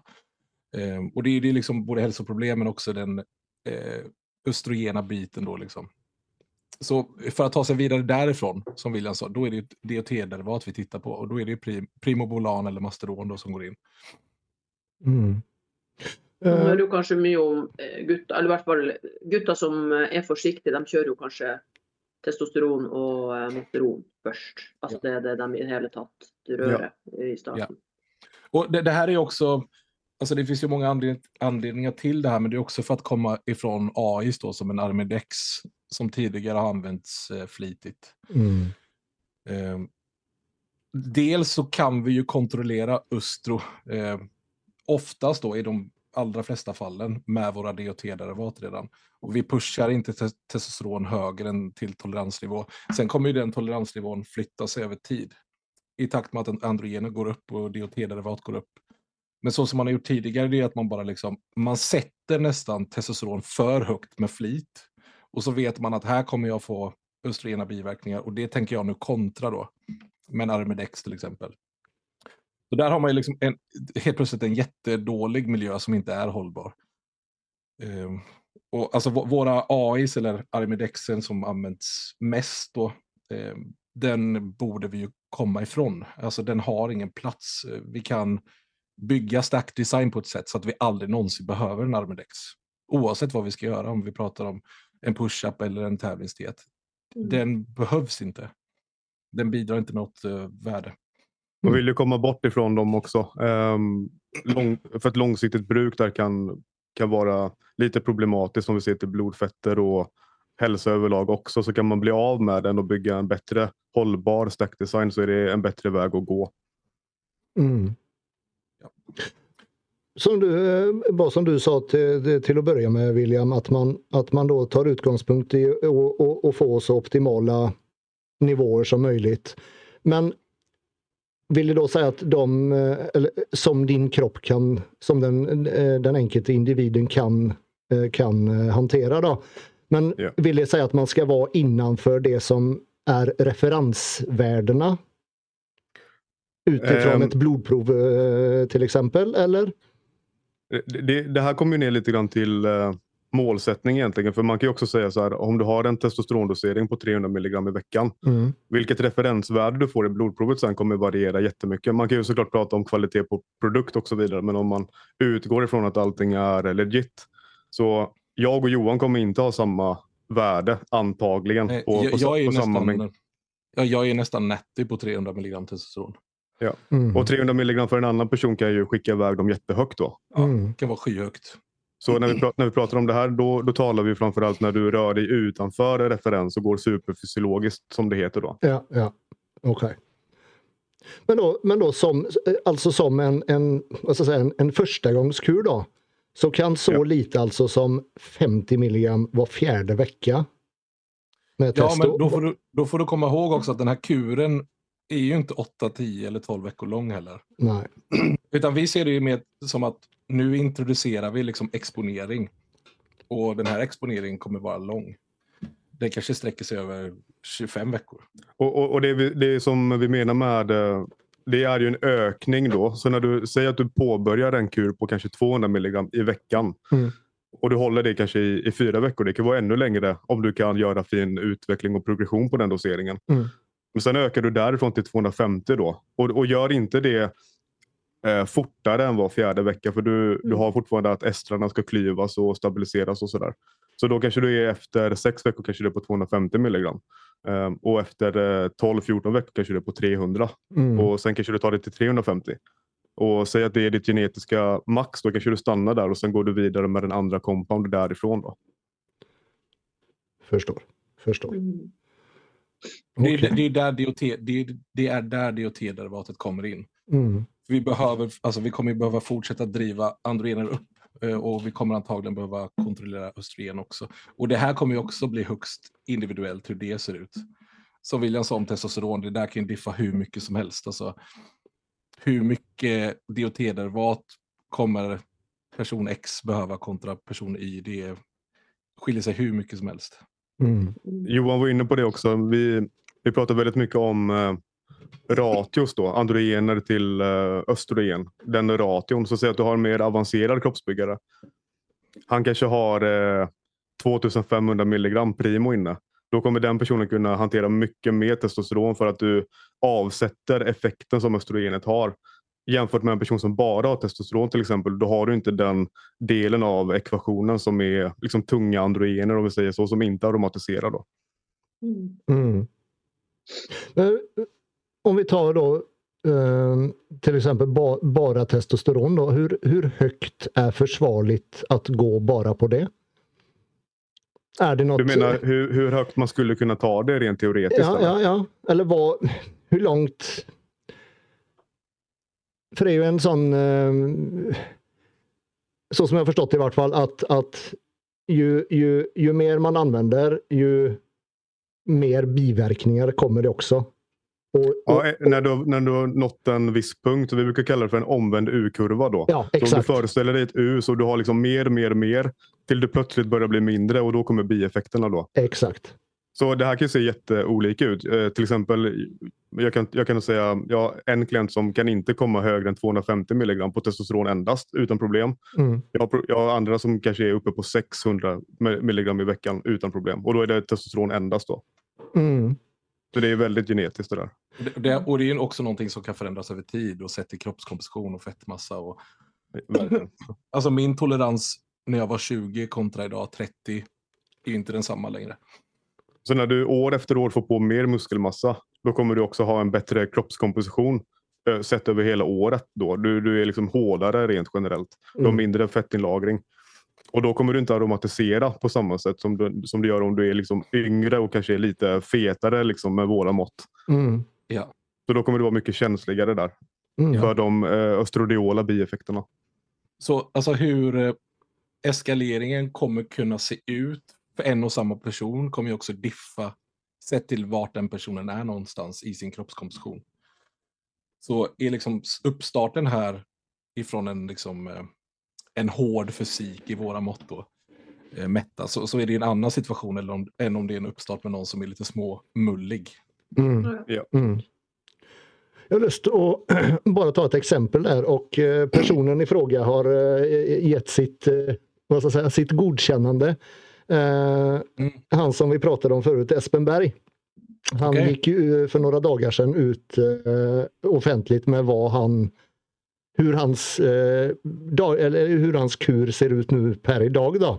Eh, en fråga, har han gjort det här länge på, alltså utåt så? Eh, ja, han har varit väldigt ärlig och öppen om det ja. väldigt han länge. Har inga problem, han har inte fått några problem så som ni vet? Nej, inte vad jag vet. Uh, i vart fall inte nu sedan han började gå på Youtube. Han har, inte hållit på så, så, så väldigt länge på Youtube och varit lika, lika aktiv där. Men, så vi får väl se hur det slutar. Men ja. eh, i alla fall, eh, då ska jag bara hitta telefonen min och läsa på. Men det är fint. Espen kanske ändå sätter liksom... Han sätter... Startpunkten här för Norge. Så nu kanske fler tar efter då. Så länge det liksom inte blir osunt eller liksom... Nej, ja, ja. Du, bara vänt nu till dere får ja, Detta är i vart fall absolut ingenting som, eh, som podcasten här eller någon rekommenderar. Det är i vart fall eh, där är Espens eh, stack. Då. Detta är Espens eh, nuvarande stack. Två är, han på, ja. är han på diet nu eller är det en off-season period? Eh, off-season. Ja. Och Espen är väl, hur, stor, hur tung är han? Är det 130 10 kilo kanske? Ja. Relativt god form. Mm. Ja, ja, han är god form. Ja. Eh, 2,5 eh, gram med testo. Eh, 1 gram Masteron. Och 500 milligram deka i veckan. Eh, 10 eh, enheter växt dagligen. Ska upp till 15 eh, snart. Det är en liten brastgubbe vi har att göra med. Och Verkligen. Jag gillar honom redan. och så 10 units med insulin för träning. Eh, han kommer nog öka det eh, snart också. Och i tillägg då så kör han också eh, kör han också Armidex? Nej, herregud vad heter det? Syntol. Syntol. Syntol. Mm. 3 milliliter i triceps två gånger i veckan och 3 milliliter i var biceps en gång i veckan. Det är ett smidigt Johan. För att börja bara där på syntolen då så hade jag direkt rekommenderat honom att gå på en Mediform istället. Ja. Men jag bara, bara försöker måla upp en bild av, av Espen nu. Jag, alltså jag tycker ju om Espen för det här, verkligen. Ja. Uh, det, det, här, det, det, man ska inte ge honom massa kritik nu, men det, det, här är ju inget eh, som någon annan då såklart ska ta efter alls. Det, det har de sagt då. Han har sagt ingen ja. må göra som mig. Det har han sagt. Ja. Han är lite Boston Lloyd just nu i Norge. Ja, lite så. Men 2500 milligram testo, 500 deka. Och 1000 och Masteron. Ja. Det, ja, det, var, det, var just, det var just därför jag frågade det med, det, det med testo förut, hur, hur högt som är liksom försvarligt att gå. Och, och Ja. får, får man så otroligt mycket mer, vad ska jag säga, Får de mer verkning. igen för det och Ja, köra så ja. mycket? Ja. Får du egentligen igen så mycket för det att det är värt det? Och gå så Alltså, högt? d- nu, nu är det svårt att säga vart eh, Espen är på den här U-kurvan. Eh, för att, alltså, mer är ju mer tills det inte är mer. Och frågan är om, eh, om det fortfarande är mer för Espen. Eh, Nå- har ju en, Någonstans kan man också säga så här att eh, när du tar upp ditt testosteron till sådana extrema mängder så någonstans finns det en avtagande marginalnytta på ditt östrogen också. Så det kommer inte följa med linjärt upp hela vägen. Ehm, så- det kanske är så att han eh, totalt sett med de andra androgenerna i sin stack då kan hantera den här mängden utan problem. Det kan mycket väl vara så. Eh, Ja. Men det hör ju inte till vanligheterna ska man säga. Mm. Nej, alltså när man, när man bara lyssnar på de här siffrorna. Att du har både testosteron och deka tillsammans. Och du har testo på 500, deka på testo på 2,5, deka på 500. Och du ska liksom lite försöka kontrollera det med 1000 mast. Eh, det, det låter som en knivig eh, situation. Men den är ju som William sa fullt möjlig också. Eh, alltså Espen har ju gjort det här en stund. Det här är inte, det är inte första gången Nej, det är inte första kuren. jävlas med hästar. Nej. Ja, det, det är svårt att, att svara på. All- Allt det här eh, behöver ju en hel del kontext. Man, man har ju ingen aning om Nej, nej, Espen egentligen. Och så han hade 360 testovärdi i alla fall. Ja. Ja, det är då... Men kan, ni mä- kan, ni, kan, ni, kan ni mäta det så högt i Norge? Eller har ni ett tak på... Det kanske inte du vet Heidi som kvinna, men eh. Andreas, vet du om du... Alltså, Eh, har du varit fullsketen någon gång och sett att de mäter inte över 50 typ? nej, nej. Det, nej. Eh, jag vet inte vad tak, om det är något tak, men eh, Det är också skillnad på totalt testosteron ska man säga och, och fritt. Det är det som faktiskt binder till eh, receptorer sen. ja, ja exakt. Ja. Oavsett. Men det, det, eh, låter ju som, det låter ju som en, som en man som ändå eh, har kul just nu. Och man får hoppas att det finns... Eh, ja, att han tar hänsyn till sin hälsa i det här också på något sätt. Utifrån För det, den här, det, det man kan säga om den här miljön, alltså den här kroppsvikten, den här mängden androgener och så maten då som krävs för att upprätthålla det här. Eh, Den, den miljön eh, behöver ju hanteras då, självklart, på flera olika sätt. han man säger skulle ju själv att, man- blod, eh, att blodtryck och det, de grejerna där är relativt, eh, eller att det är bra. Eh, Mm. Vad jag har förstått i vart fall. Du frågar honom om man har en Telmisartan och en eh, Metformin inne. Jag skulle landa i det. För det, det vi talade om tidigare då hos kvinnorna som, som delvis kan bidra till fysikutveckling men som också kommer med eh, hälsoegenskaper. Det är ju till exempel en Metformin och Telmisartan då. Mm. Det kan ju vara fint att ha inne när man är assisterad och framförallt på sådana höga mängder då. Ja. För, för, för, alltså alla som, nu är ju liksom assistansen för kvinnor så pass låg. Jag gillar att använda både Telmisartan och Metformin där också. Men när vi ser till män som går assisterat, eh, det här är ju någonting som alla eh, verkligen borde ha inne året runt. Metformin och Telmisartan och framförallt eh, Espen.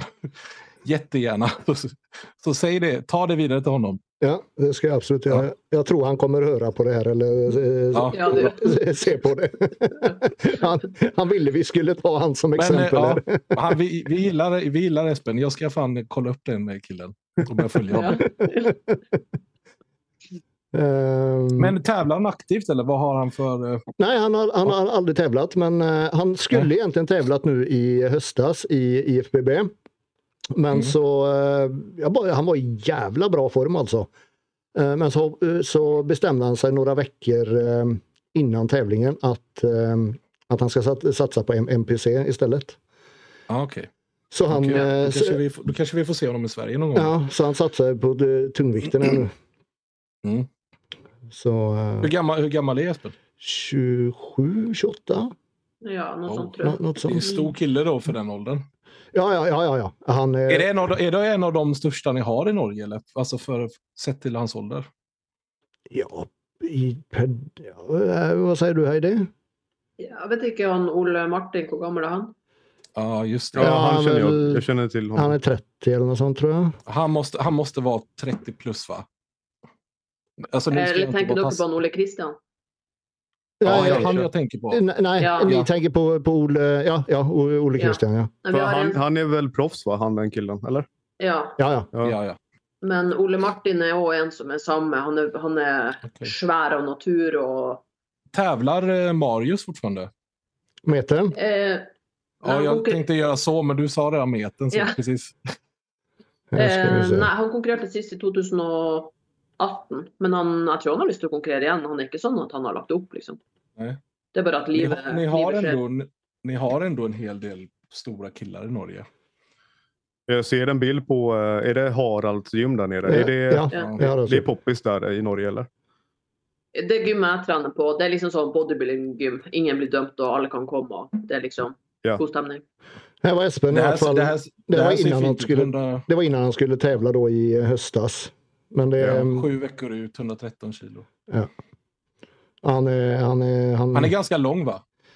180 plus. ja, 180, en, ja, mellan 180 och 185 någonstans där. Ja. Ja. Och vakt också. Ordningsvakt eller? Eh, han är sån Är han polis? Han är väl egentligen, han, eh, jag vet han slutade jobba en stund och bara, bara levde av sociala medier. Eh, Han är nu sån, han är sån säkerhetsvakt. Okej, okej. Eh, eh. Och Detta är väl, när var detta? 18 veckor sedan. 18 veckor sedan. Ja. Men det är en stor kille, håller Ja, mycket ja, ja. size. En vuxen pojke Ja. alltså. Ja. Som, som William brukar säga, han har lite högt blodtrycksaura ändå. Men eh, han sa ju själv att blodtrycket är bra. ja. Eh, ska. Jag ska bara...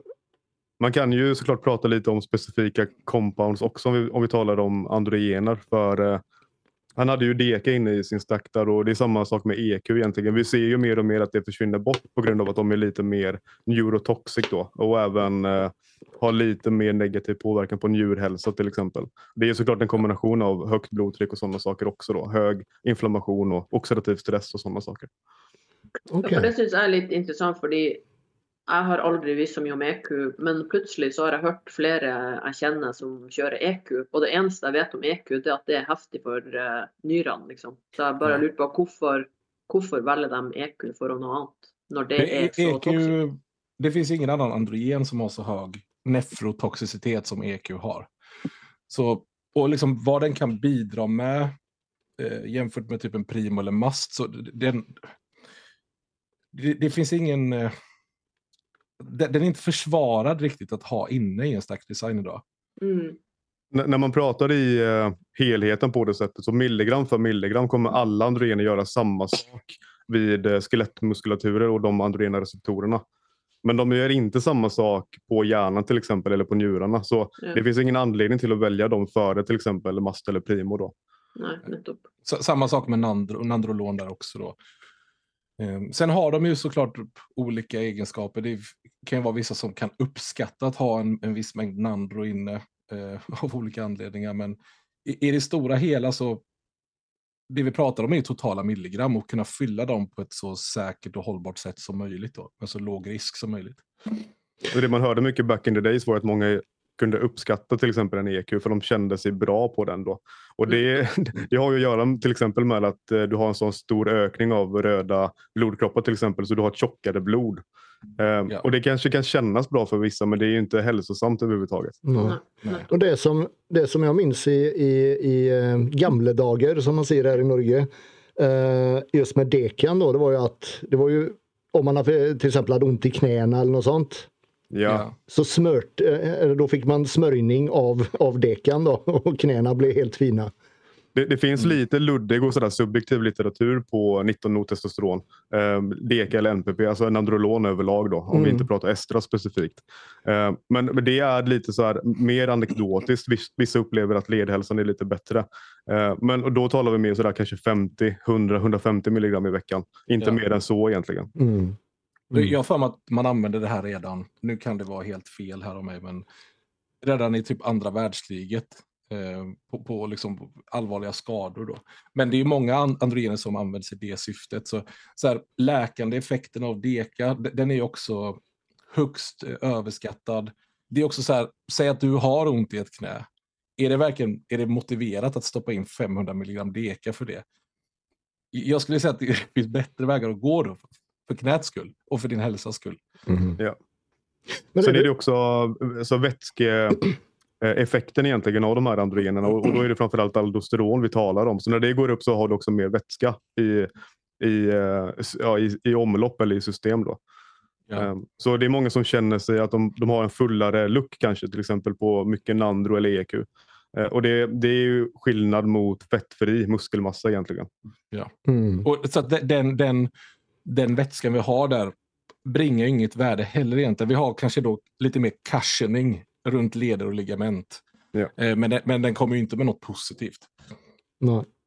Men det du sa, det du sa eh, var det nefrotoxiologiskt du kallar det? Nefro... Ja. ja. negativ påverkan på, på hjärnan och signalering. Ja, okej. Okay. Uh, typ trend. trend. ja. Men är det, är, det, är det också individuellt hur mycket man, man kan ta innan, innan det blir toxiskt? Liksom? Det, det skulle jag ändå säga. Framförallt är det dosrelaterat. Mm. Ja. Okay. Och, det, och det här är ju också så här neurotoxicitet eller nefro. Nefro är väl kanske lite mer akut då om vi ser till njurhälsa. Hur, hur mäter vi eh, vår hjärna liksom? Mm. Alltså, det här är ju någonting som äger rum över tid. Då. Det är svårt kanske att avgöra själv. Jag och William som följer många eh, proffs, vi kan ju ibland dra en, en, en amatörsmässig egen eh, alltså analys då, eller slutsats och säga, ska, säga lite på skoj att vi ser här nu att det har börjat komma krypande då kanske lite neurotoxicitet. Den här personen i fråga som innan var kanske då vältalig och ganska smart har, har tappat mycket av det här. Mm. Och det skulle komma ner till eh, drogvalen. Det kan påverka minne, korttidsminne eller ditt eh, vokabulär till exempel och talförmåga eller eh, social kompetens och, och sådana saker. Det kan ju också komma med sjukdomar i förlängningen om vi pratar om oxidativ stress. Vi pratade lite om det i vår senaste podd också. Eh, men förtidsdemens är en stor faktor här. Eh, Parkinsons eller cancer i vissa fall och, och det är ju de här liksom fria radikalerna i en för stor utsträckning då. Mm. Kronisk inflammation och sådär. Och det är ju en kombination av saker. Alltså, att äta mycket i sig är ju inte bra. Eh, det är ju också en, en stor faktor med tung kroppsvikt och, och sådär. Sen adderar man ju den här ekvationen med androgener över tid också. Och det är den exponeringen och det bruket. Mm. Det, det, det, är här, det är här som vi trycker så mycket på Telmesartan och Metformin, alltså en ARB och eh, Metformin. Om, om alla bara fick se liksom vad de bidrar med i en sån här miljö för en kroppsbyggare så skulle alla ha inne dem året runt. Eh, för att de är så pass värdefulla i den här kontexten. Vi pratade mycket förr om en safer use-modell. Alltså det vill säga en, en stack design som kommer med mindre risk. Eh, vi gick ifrån det lite grann för det blev rätt att man kopplade det till att man ska få mindre resultat än andra som har en större risk. Då. Och det är inte alls det det handlar om utan det är fortfarande samma resultatdrivna fokus och målsättning mm. men med mer hälsofokus då liksom om, om det makes sense. Precis. Mm. det, det, ett bättre ordval för det där är ju liksom riskmitigering. För, för säkert blir ingenting. Men typ ta till exempel Espen, nu vet vi inte vad han gör för att hantera sin situation. Men man skulle ju kunna ha samma milligram som Espen har, kanske bygga upp dem på ett annat sätt och sen använda sig av farmakologi för att hantera den situationen. Så att resultatet över tid är ju antagligen bättre för att hälsan är bättre då. Så mm. det handlar aldrig om att liksom minimera resultat eller ta resultatet från någon. Det är, det är, inte alls det vi pratar om här. Mm. Och det är också det som, som är hela poängen med med en karriär i kroppsbyggning. Det är ju, om, det är ju resultat ja. över tid.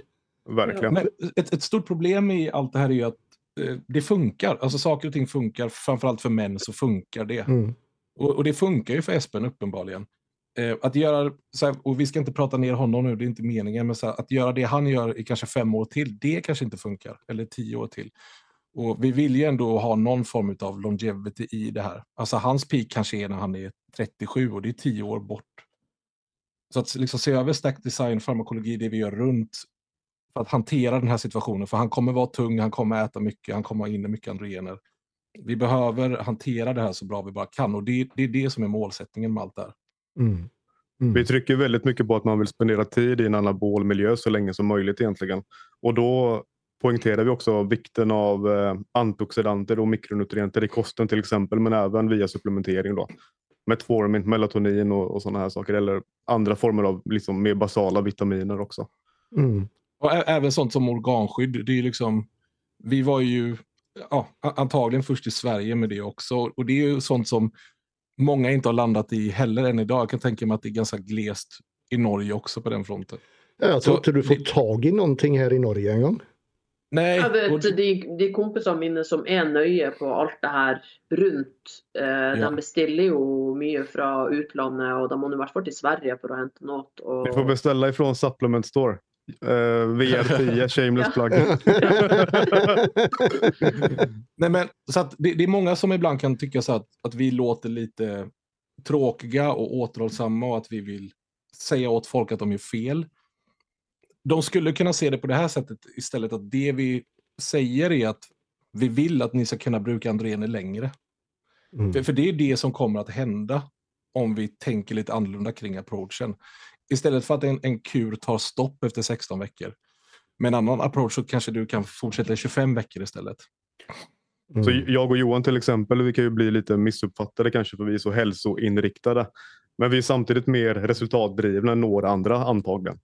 Verkligen. Mm. Så det vi vill säga här är att det ena behöver inte alls ta ut det andra utan du kan få det bästa av båda världarna då någonstans. Ja, ja och låt oss säga att det tar dig, låt oss säga då, tar det fem år att bli pro och så har du allerede kört på som poker och så du har ju lust att konkurrera som pro också. Och hur lång tid tar det från du blir pro till du kommer på Olympia för exempel?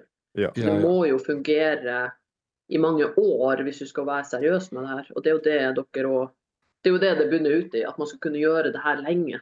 Verkligen. Mm. Verkligen. Mm. Verkligen. Så för kvinnorna är det liksom, vad är det som kommer stoppa dem i längden? Det är ju viralisering. Vad är det som kommer stoppa männen i längden? Ja, det är deras hälsa. Mm. Mm. Och vi mm. måste försöka ja, mitigera den risken så mycket som möjligt. En stor faktor i det här som vi ser mycket av också, det är ju att folk är mer... Eller vi brukar skoja lite om det här och säga att vi är eh, helt ointresserade av PEDS. Och, och, och vi, det, vi, det, vi, menar med det är, det är verktyg egentligen som vi har tillgängliga för oss. Men vi är mycket mer intresserade av träningen och rutinen i stort. Och, och liksom bygga rätt mentalitet och sånt hos atleten då. Mm. Ja. Så det, det, vi ser att det är många som kanske har ett för högt bruk som Johan sa förut men för att liksom, eh, maskera dålig träning till exempel. Vi vill gärna bara uppa allting. Perfekt träning, driv på den stenhårt. Sätt dig i rätt miljö med kosten. PED som det är liksom, eh, motiverat då. Mm. Och försök hamna i en så bra miljö som möjligt och sen bara spendera mycket tid där, gärna så länge som möjligt. Mm. Men vi ser ju de, de kompisene vi har som har varit dritseriösa har allt på ställ før de har tagit steget över och begynt å bruke noe. Dæven, for en framgång. De, de är ju helt andra utövare. Alltså, de är ju en liga för sig själva, för de har haft allt på ställ i så många år och mm. prøvd å makse det. Och så begitt sig ut på, och det är ju de utövarna som i Norge, i hvert fall per nu, det är ju de som är nå för det framtida. Liksom. Ja. ja. Så du kan ju få ut väldigt mycket mer av dina befintliga androgener till exempel om du blir väldigt mycket bättre i din träning och har den på rätt plats. Exakt, ja. exakt. Så det, det, allt det här är ju superkomplext. Eller, ja, det, det, det är ju svårt att ta till sig informationen och kunna förvalta den och applicera den. Men det är fortfarande träningen i sig och hela liksom, hanteringen av, av den situationen som, som är det mest komplexa i allt det här. Mm. Vill jag fortfarande påstå. Mm. Ja, vi, vi båda tycker väl att det är det är en väldigt mycket det är en större del av allting egentligen. Alltså det är en sak som påverkar allt annat också. Så har du inte stort fokus på den, då spelar det nästan ingen roll vad du gör då. Du kan ju maskera saker och sånt, men vilket värde finns det i det egentligen om du kan, om du kan liksom skifta fokus lite? Mm. Så vi är ju helt uppslukade av träningsprogrammering och pratar mer om det egentligen än någonting annat. Mm. Ja, för, för, för oss och William, om vi coachar med de klienterna vi har eller om vi ska starta upp någon, det är inte så att vi lägger hur mycket tankeverksamhet som helst på PEDS. Eh, alltså vi är liksom, man ska inte säga att vi är klara med det, men vi vet vilken väg vi ska gå och hur vi ska ta oss dit. Och det är, liksom, det är där i bakgrunden och det gör sitt jobb och vi hanterar den här miljön och hälsan. Men det är liksom träningen och vad som händer där med atleten på liksom en veckobasis det, det är ju det stora jobbet, inte pedsen. Mm. Mm. Exakt. Men då är ändå pedsen absolut, de är komplexa, men det här andra är ju liksom, det är där arbetet äger rum. Mm. Ja. Hur, eh, hur har ni det med tid? Eh, hinner ni eh, vara med på några frågor eller? Ja, Vi kan väl ta några stycken. Jag behöver snart ge mig iväg lite men eh, li- lite tid har vi. Ja. Då tänker jag vi kan ta ett par frågor. Jag har plockat ut några stycken här. Uh, ska vi se. Eh, hur ska man, eh, ska vi se, nu måste jag översätta här. Hur, eh, hur kan man und, un, undgå, heter det på svenska? Undgå? ja, undvika. Hur kan man undgå att dra för mycket vatten vid bruk? Ja. Det, Tar du den Jonas? Ja. alltså, det, det, det, här- kommer ju ner till stackdesign, kroppskomposition, farmakologi. Som William var inne på innan där med, med telmisartan. Den, den har ju alltså, en jättestor plats här. Eh, alltså, jag tror att det är som vi sa om kvinnor, alltså de kan ju få liksom en, en, en fysisk, eh, liksom, vad ska man säga? Eh, Nu tappar jag bort mig helt. Men bara för att klargöra, pratar vi om eh, vätskan som kan komma av eh, PEDS då? Alltså att du Ja. håller vätska, är det det han menar? Ja, Ja. ja, ja. ja. Okej, och hur du minimerar det, är det, är det frågan? ja. Ja, Men, ja precis. Då, då är det ju nödvändigtvis inte en dålig sak heller. För tar man ett tillväxthormon då, en del av de positiva egenskaperna är att du kommer med intracellulär vätska och fullness då. Det är ju en del av det. Mm. Men sen som Johan var inne på med en eh, angiotensin-receptorblockerare då. Så du, du har ju renin, eh, eh, angiotensin aldosteronsystemet som egentligen reglerar blodvolym och blodtryck och sådana saker. Så, så tillväxthormon och androgen, allting verkar på det här systemet så du kommer ha en ökning av aldosteron och därmed mer vätska också när du är eh, assisterad. Och då, då finns det strategier och approach som kan hantera detta men i grund och botten så cirkulerar det tillbaka till stack design från början då. Ja. Det, det är svårt att svara på när vi inte vet hur stack design Ja. ser ut eller Ja. inte har något på personen. För det, det här kan ju verkligen vara en fråga om, om stack design till att börja med. Då. Mm. Antagligen så är det ju det. Ja, exakt. Ehm, Och för att klara, när vi pratar om stack design, alltså det är liksom valet av androgener och hur vi har valt att eskalera upp dem då.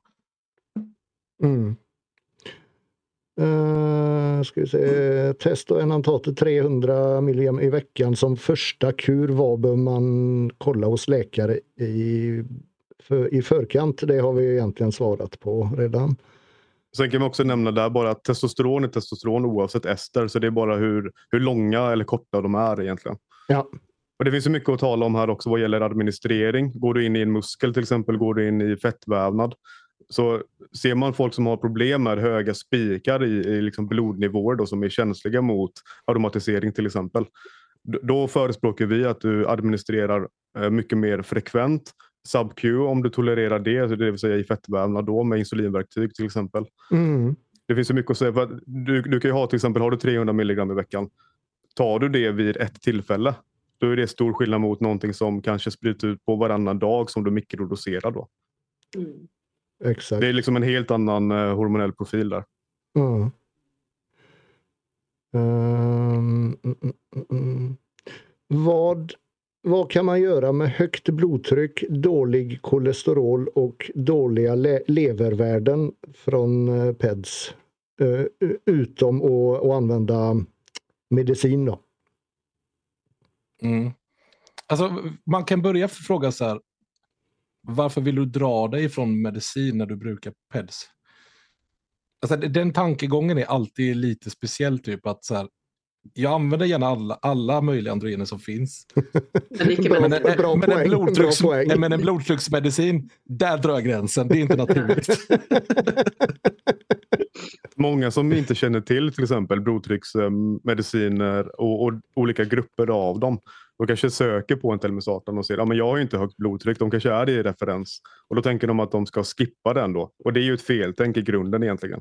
Sen säger inte vi heller att man ska bara kasta in massa olika läkemedel och mediciner bara för sakens skull. Men när det är motiverat och du har ett behov då kan det vara en bra väg att gå då. Liksom.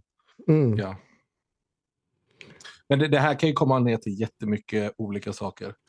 Och, vad sa du? Högt blodtryck, lipider och... Eh... Och eh, dåliga levervärden, eller höga levervärden. Då. Ja. Levervärden och vissa njurmarkörer är en sån som, som du, du får se den eh, kontexten då. Alltså när man har tränande atleter till exempel så har du ju en eh, högre grad av leverenzymer och kreatinin och sådana saker som påverkar de här markörerna. Till skillnad mot en vanlig svensson som vi sa innan då. Så det gäller ju att man ser på blodprovet och förstår vilken person som det gäller också, i vilken miljö eller fas den personen är i. Mm. Ja. Man behöver ju ta hänsyn till att folk faktiskt tränar som vi gör. Ja. När man tittar på leverenzymer. Men i det här fallet det kan det handla liksom om Alltså, vad, vad, har personen gjort? Hur ser stack design ut? Eh, det kan vara fråga om oxidativ stress, inflammation. Och mycket som William sa innan, det, det liksom börjar med stack design och sen vad vi gör av stack design och hur vi hanterar situationen. Mm. Jeg tenker jo, Hvis, hvis jeg hadde, hvis jeg slet med alle de tre tingene, så det første jeg hadde gjort, var å se på stack design. Ja. Så hva er det som har gjort at alle de her tre tingene er til stede? Sant? Ja. ja.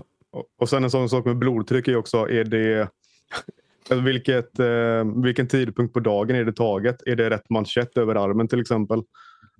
Är du uttorkad? Alltså har du en ordentlig och exakt vätskebalans och sådana saker? Tar du precis efter träningen, då förstår jag att det är högt till exempel. Mm, mm.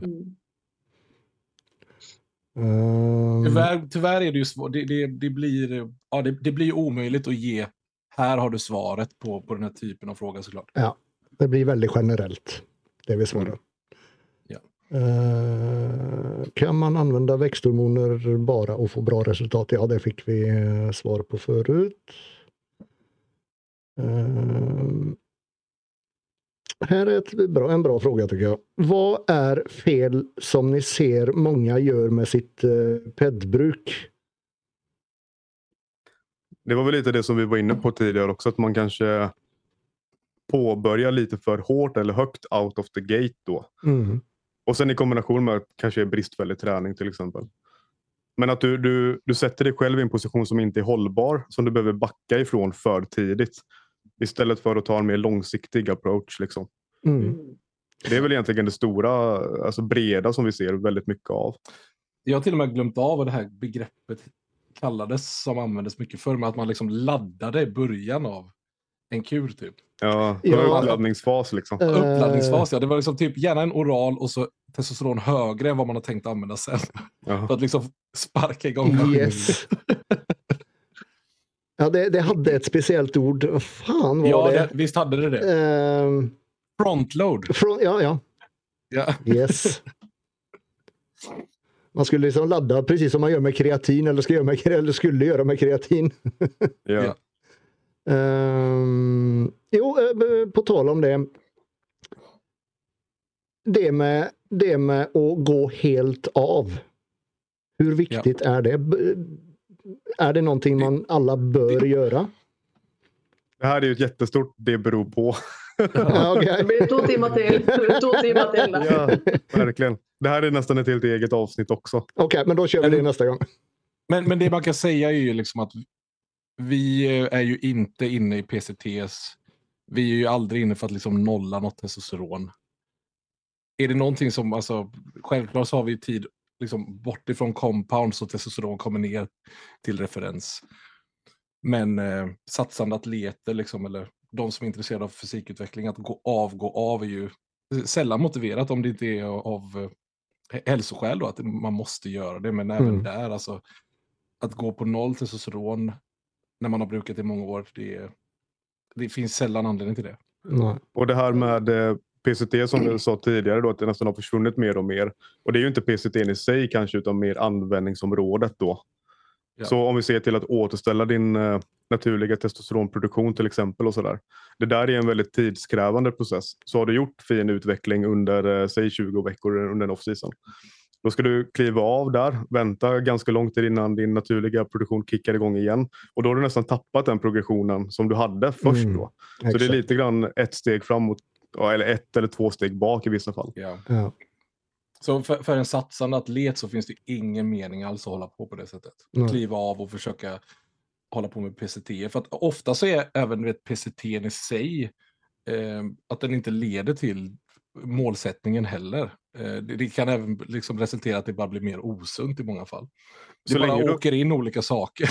Ja, mm. Så länge du har eh, estrar kvar, androgener som klyvs i ditt system, så kommer inte din naturliga produktion kicka igång. Så när du har exogena liksom, eller input utifrån då, eh, så, så, länge de är i ditt system så kommer, så kommer din eh, naturliga produktion vara nedtryckt eller nedsatt. Mm. Det är därför det är så tidskrävande också, så du förlorar väldigt mycket värdefull tid i, i den processen. Då. Mm. Men så då istället för att gå helt av så kan, så kan man för exempel köra eh, TRT en period ja, istället. Gå ner på TRT eller någon ja. form av cruise då. Ja, ja. ja. Ett, väldigt, ett, ett kort och bra svar. Ja. Ehm, det har vi egentligen svarat på också. Ehm, och det har vi också svarat på. Det har vi också svarat på. Ja. Just det med med eh, äkta och, eh, och fake varor. Är det ett problem mm. också i Sverige? För det är, kan, ja. kan vara ett problem här om man inte har en bra source och, och få ja. grejer ifrån. Eh, och just, just då inte minst när det kommer till tjejer. Verkligen. För där det är, är det extremt viktigt. Ja. ja. Och jag blir alltid... Alltså, vi båda vet ju det här med klienter, att de kanske sagt ja men jag har fixat någonting här nu. Mm. Och, och, vi båda blir direkt, ah, vänta lite nu, vad är det, vad är det du har fixat? Så, Nej men jag köpte av Jocke på gymmet. Så, vem, vem, är han? vad, vad, är det här för saker? Och ännu värre är det ju med tjejer, lite som Heidi var inne på tidigare. Då. Ja men min pojkvän har löst det här, du behöver inte tänka på det. Mm. Jo, jag behöver absolut tänka på det här, för jag litar mm. inte på din pojkvän. Han, han själv kanske inte ens vet vad han håller på med. Oftast inte då. Mm. Så det, det, här med fejkvaror är ju absolut, det, det, är ett problem. Det, det vi kan säga eh, om Sverige då, som jag vet inte om det här är dumt att säga om Sverige, för polisen kanske inte har järnkoll på det, men vi har ett jättestort utbud här. Eh, det, vi har ett större utbud här än, än, vad som finns i UK till exempel, där det är lagligt. Oj. Så, att, så att vi har ju liksom många då aktörer lite som tävlar mot varandra. Och de här ligger ju uppe på hemsidor och de här hemsidorna ställs emot varandra och de recenseras. Så kravet på labbtester idag gentemot bara för fem år sedan är mycket, mycket större. Alltså det är ett högre krav på, på de som säljer steroider. Okay. Men absolut, det, det florerar ju jätte, jättemycket skit på marknaden fortfarande. Och som du sa med tjejer, Anavar kan kanske ofta vara Dianabol. Mm. Jag har ju själv sett när det, när det där har hänt med någon enstaka kvinnlig atlet någon gång. Och det, det, det är ju ganska katastrofalt när det blir så. så att, eh, det är jätte, jätteviktigt att man vet att sina källor är korrekta. Då. Mm. Jag känner ju någon här i Norge som eh, de brukar alltid som testkit. Eh, och då tror jag de hade testat, jag vet inte, tre av fyra eller fem bara var icke primo. Men det var ja. utgav för att vara primo. Så det är klart, ja. om en jente ja. då hade brukt det och trodde att det var primo så är det ju helt andra konsekvenser. Ja. ja. För det, det, det, kan man ändå säga om, om kvinnor, säg att de antagligen kommer använda primo mestadels då. Eh, en vial för dem räcker ganska länge, alltså 1000 milligram, herregud. Tar de 100 milligram i veckan, vilket de sällan gör, det är 10 veckor. Så är man en kvinna som ska bruka primo och man är osäker på sin källa, då kan man ju skicka in en vial till till Jan och få en egen labbanalys på den så att du har gjort en egen analys, så att du inte bara förlitar dig på någon försäljare eller någon, någon kompis. Ehm, så det går ju att faktiskt labbtesta sina saker själv också. En del av problemet är att det eventuellt kan vara fake grejer eller så kan det också vara att det kanske är rätt produkt då, men att den är överdoserad till exempel, mm. vilket också kan vara ett problem. Mm. Eller under också, fast på ett annat sätt. då. Ja. ja. Det blir ju för, för män när det är underdoserat, då är det så här, fan, det var lite tråkigt. Man, blir, man, man stör sig liksom på det. Gäller det kvinnor så då, då är det ett stort problem istället. Jag vet ju förr när det florerade jättemycket så här överdoserade klenbuterol. Ja. Då blev det ju istället jävla vad obagligt det här blev. Det blir inte alls bra. 20 mikrogram är liksom 66 mikrogram istället. Det är lite skillnad. Ja. Man är plötsligt lite, lite skum liksom. Ja. Ja, man, man blir så, vad fan gjorde jag i morse egentligen? Ja. Uh, Alright, då tänker vi har varit, som sagt, vi har en hög med frågor här som vi inte uh, kommer till att ta idag. Men uh, jag tänker vi sparar en del av dem till imorgon, så, eller till imorgon till uh, nästa gång. Och så kan ja, ja. vi hellre se lite på frågorna och så kanske bygga själva avsnittet utifrån frågorna. Mm. Mm, absolut. Hoppas att ni har fått med er någonting. Ja, du, det här har varit superintressant. Jag själv har lärt mig massor. Och nu fattar jag lite hur lite jag egentligen kan om detta. jag trodde jag kunde jävla mycket men jag fattar att jag kan egentligen ingenting. Och start på nytt. Ja, ja det är bara, ja, kanske lite sent nu men, uh, men i alla fall uh, Johan och William, tusen tack att ni hade lust att vara med. Ja, det, har varit en, det, har varit en ära att ha er med och eh, jag gläder mig till, till nästa gång. Ja. Mm. Men det var kul, jag tycker att ni båda gör ett bra jobb och du är en jättebra host där Andreas också. Så ja, så bra. Lättsam, lättsamt och trevligt. Vi är vana att eh, hosta själva, ibland har vi haft några gäster. Det är ingenting som vi föredrar att göra jättemycket. För vi kan uppleva ibland att det går lite trögt sådär. Men nu sitter vi här podcastar allihop och då tycker jag att det flyter fint. Ja, jag tror, ja. jag tror egentligen aldrig, aldrig en podcast har, har flutit så bra som idag. Nej. Men det är, det är skönt att man kan känna så då. Ja, ja verkligen. Ja, fantastiskt bra det här. Ehm, jag tänkte bara fråga er, har ni, har ni lust att få, att få den här ljudfilen och lägga ut den på eran också? Du, ja, du, kan väl, eh, du kan väl spara ner den och sen skicka den till vår eh, drive eller någonting så kan vi kika på det då. Ja, ja. absolut. Ja, då gör jag det. För då täcker vi liksom ja, ja. ett plus ett blir tre. Ja, exakt. Det var det jag tänkte. ja, men så bra. Då säger mm. jag tusen tack för idag och uh, ha en fortsatt uh, fin lördag. Detsamma. Detsamma. Tack så mycket. Vi hörs. Hej. Ha det gott. Hej, hej.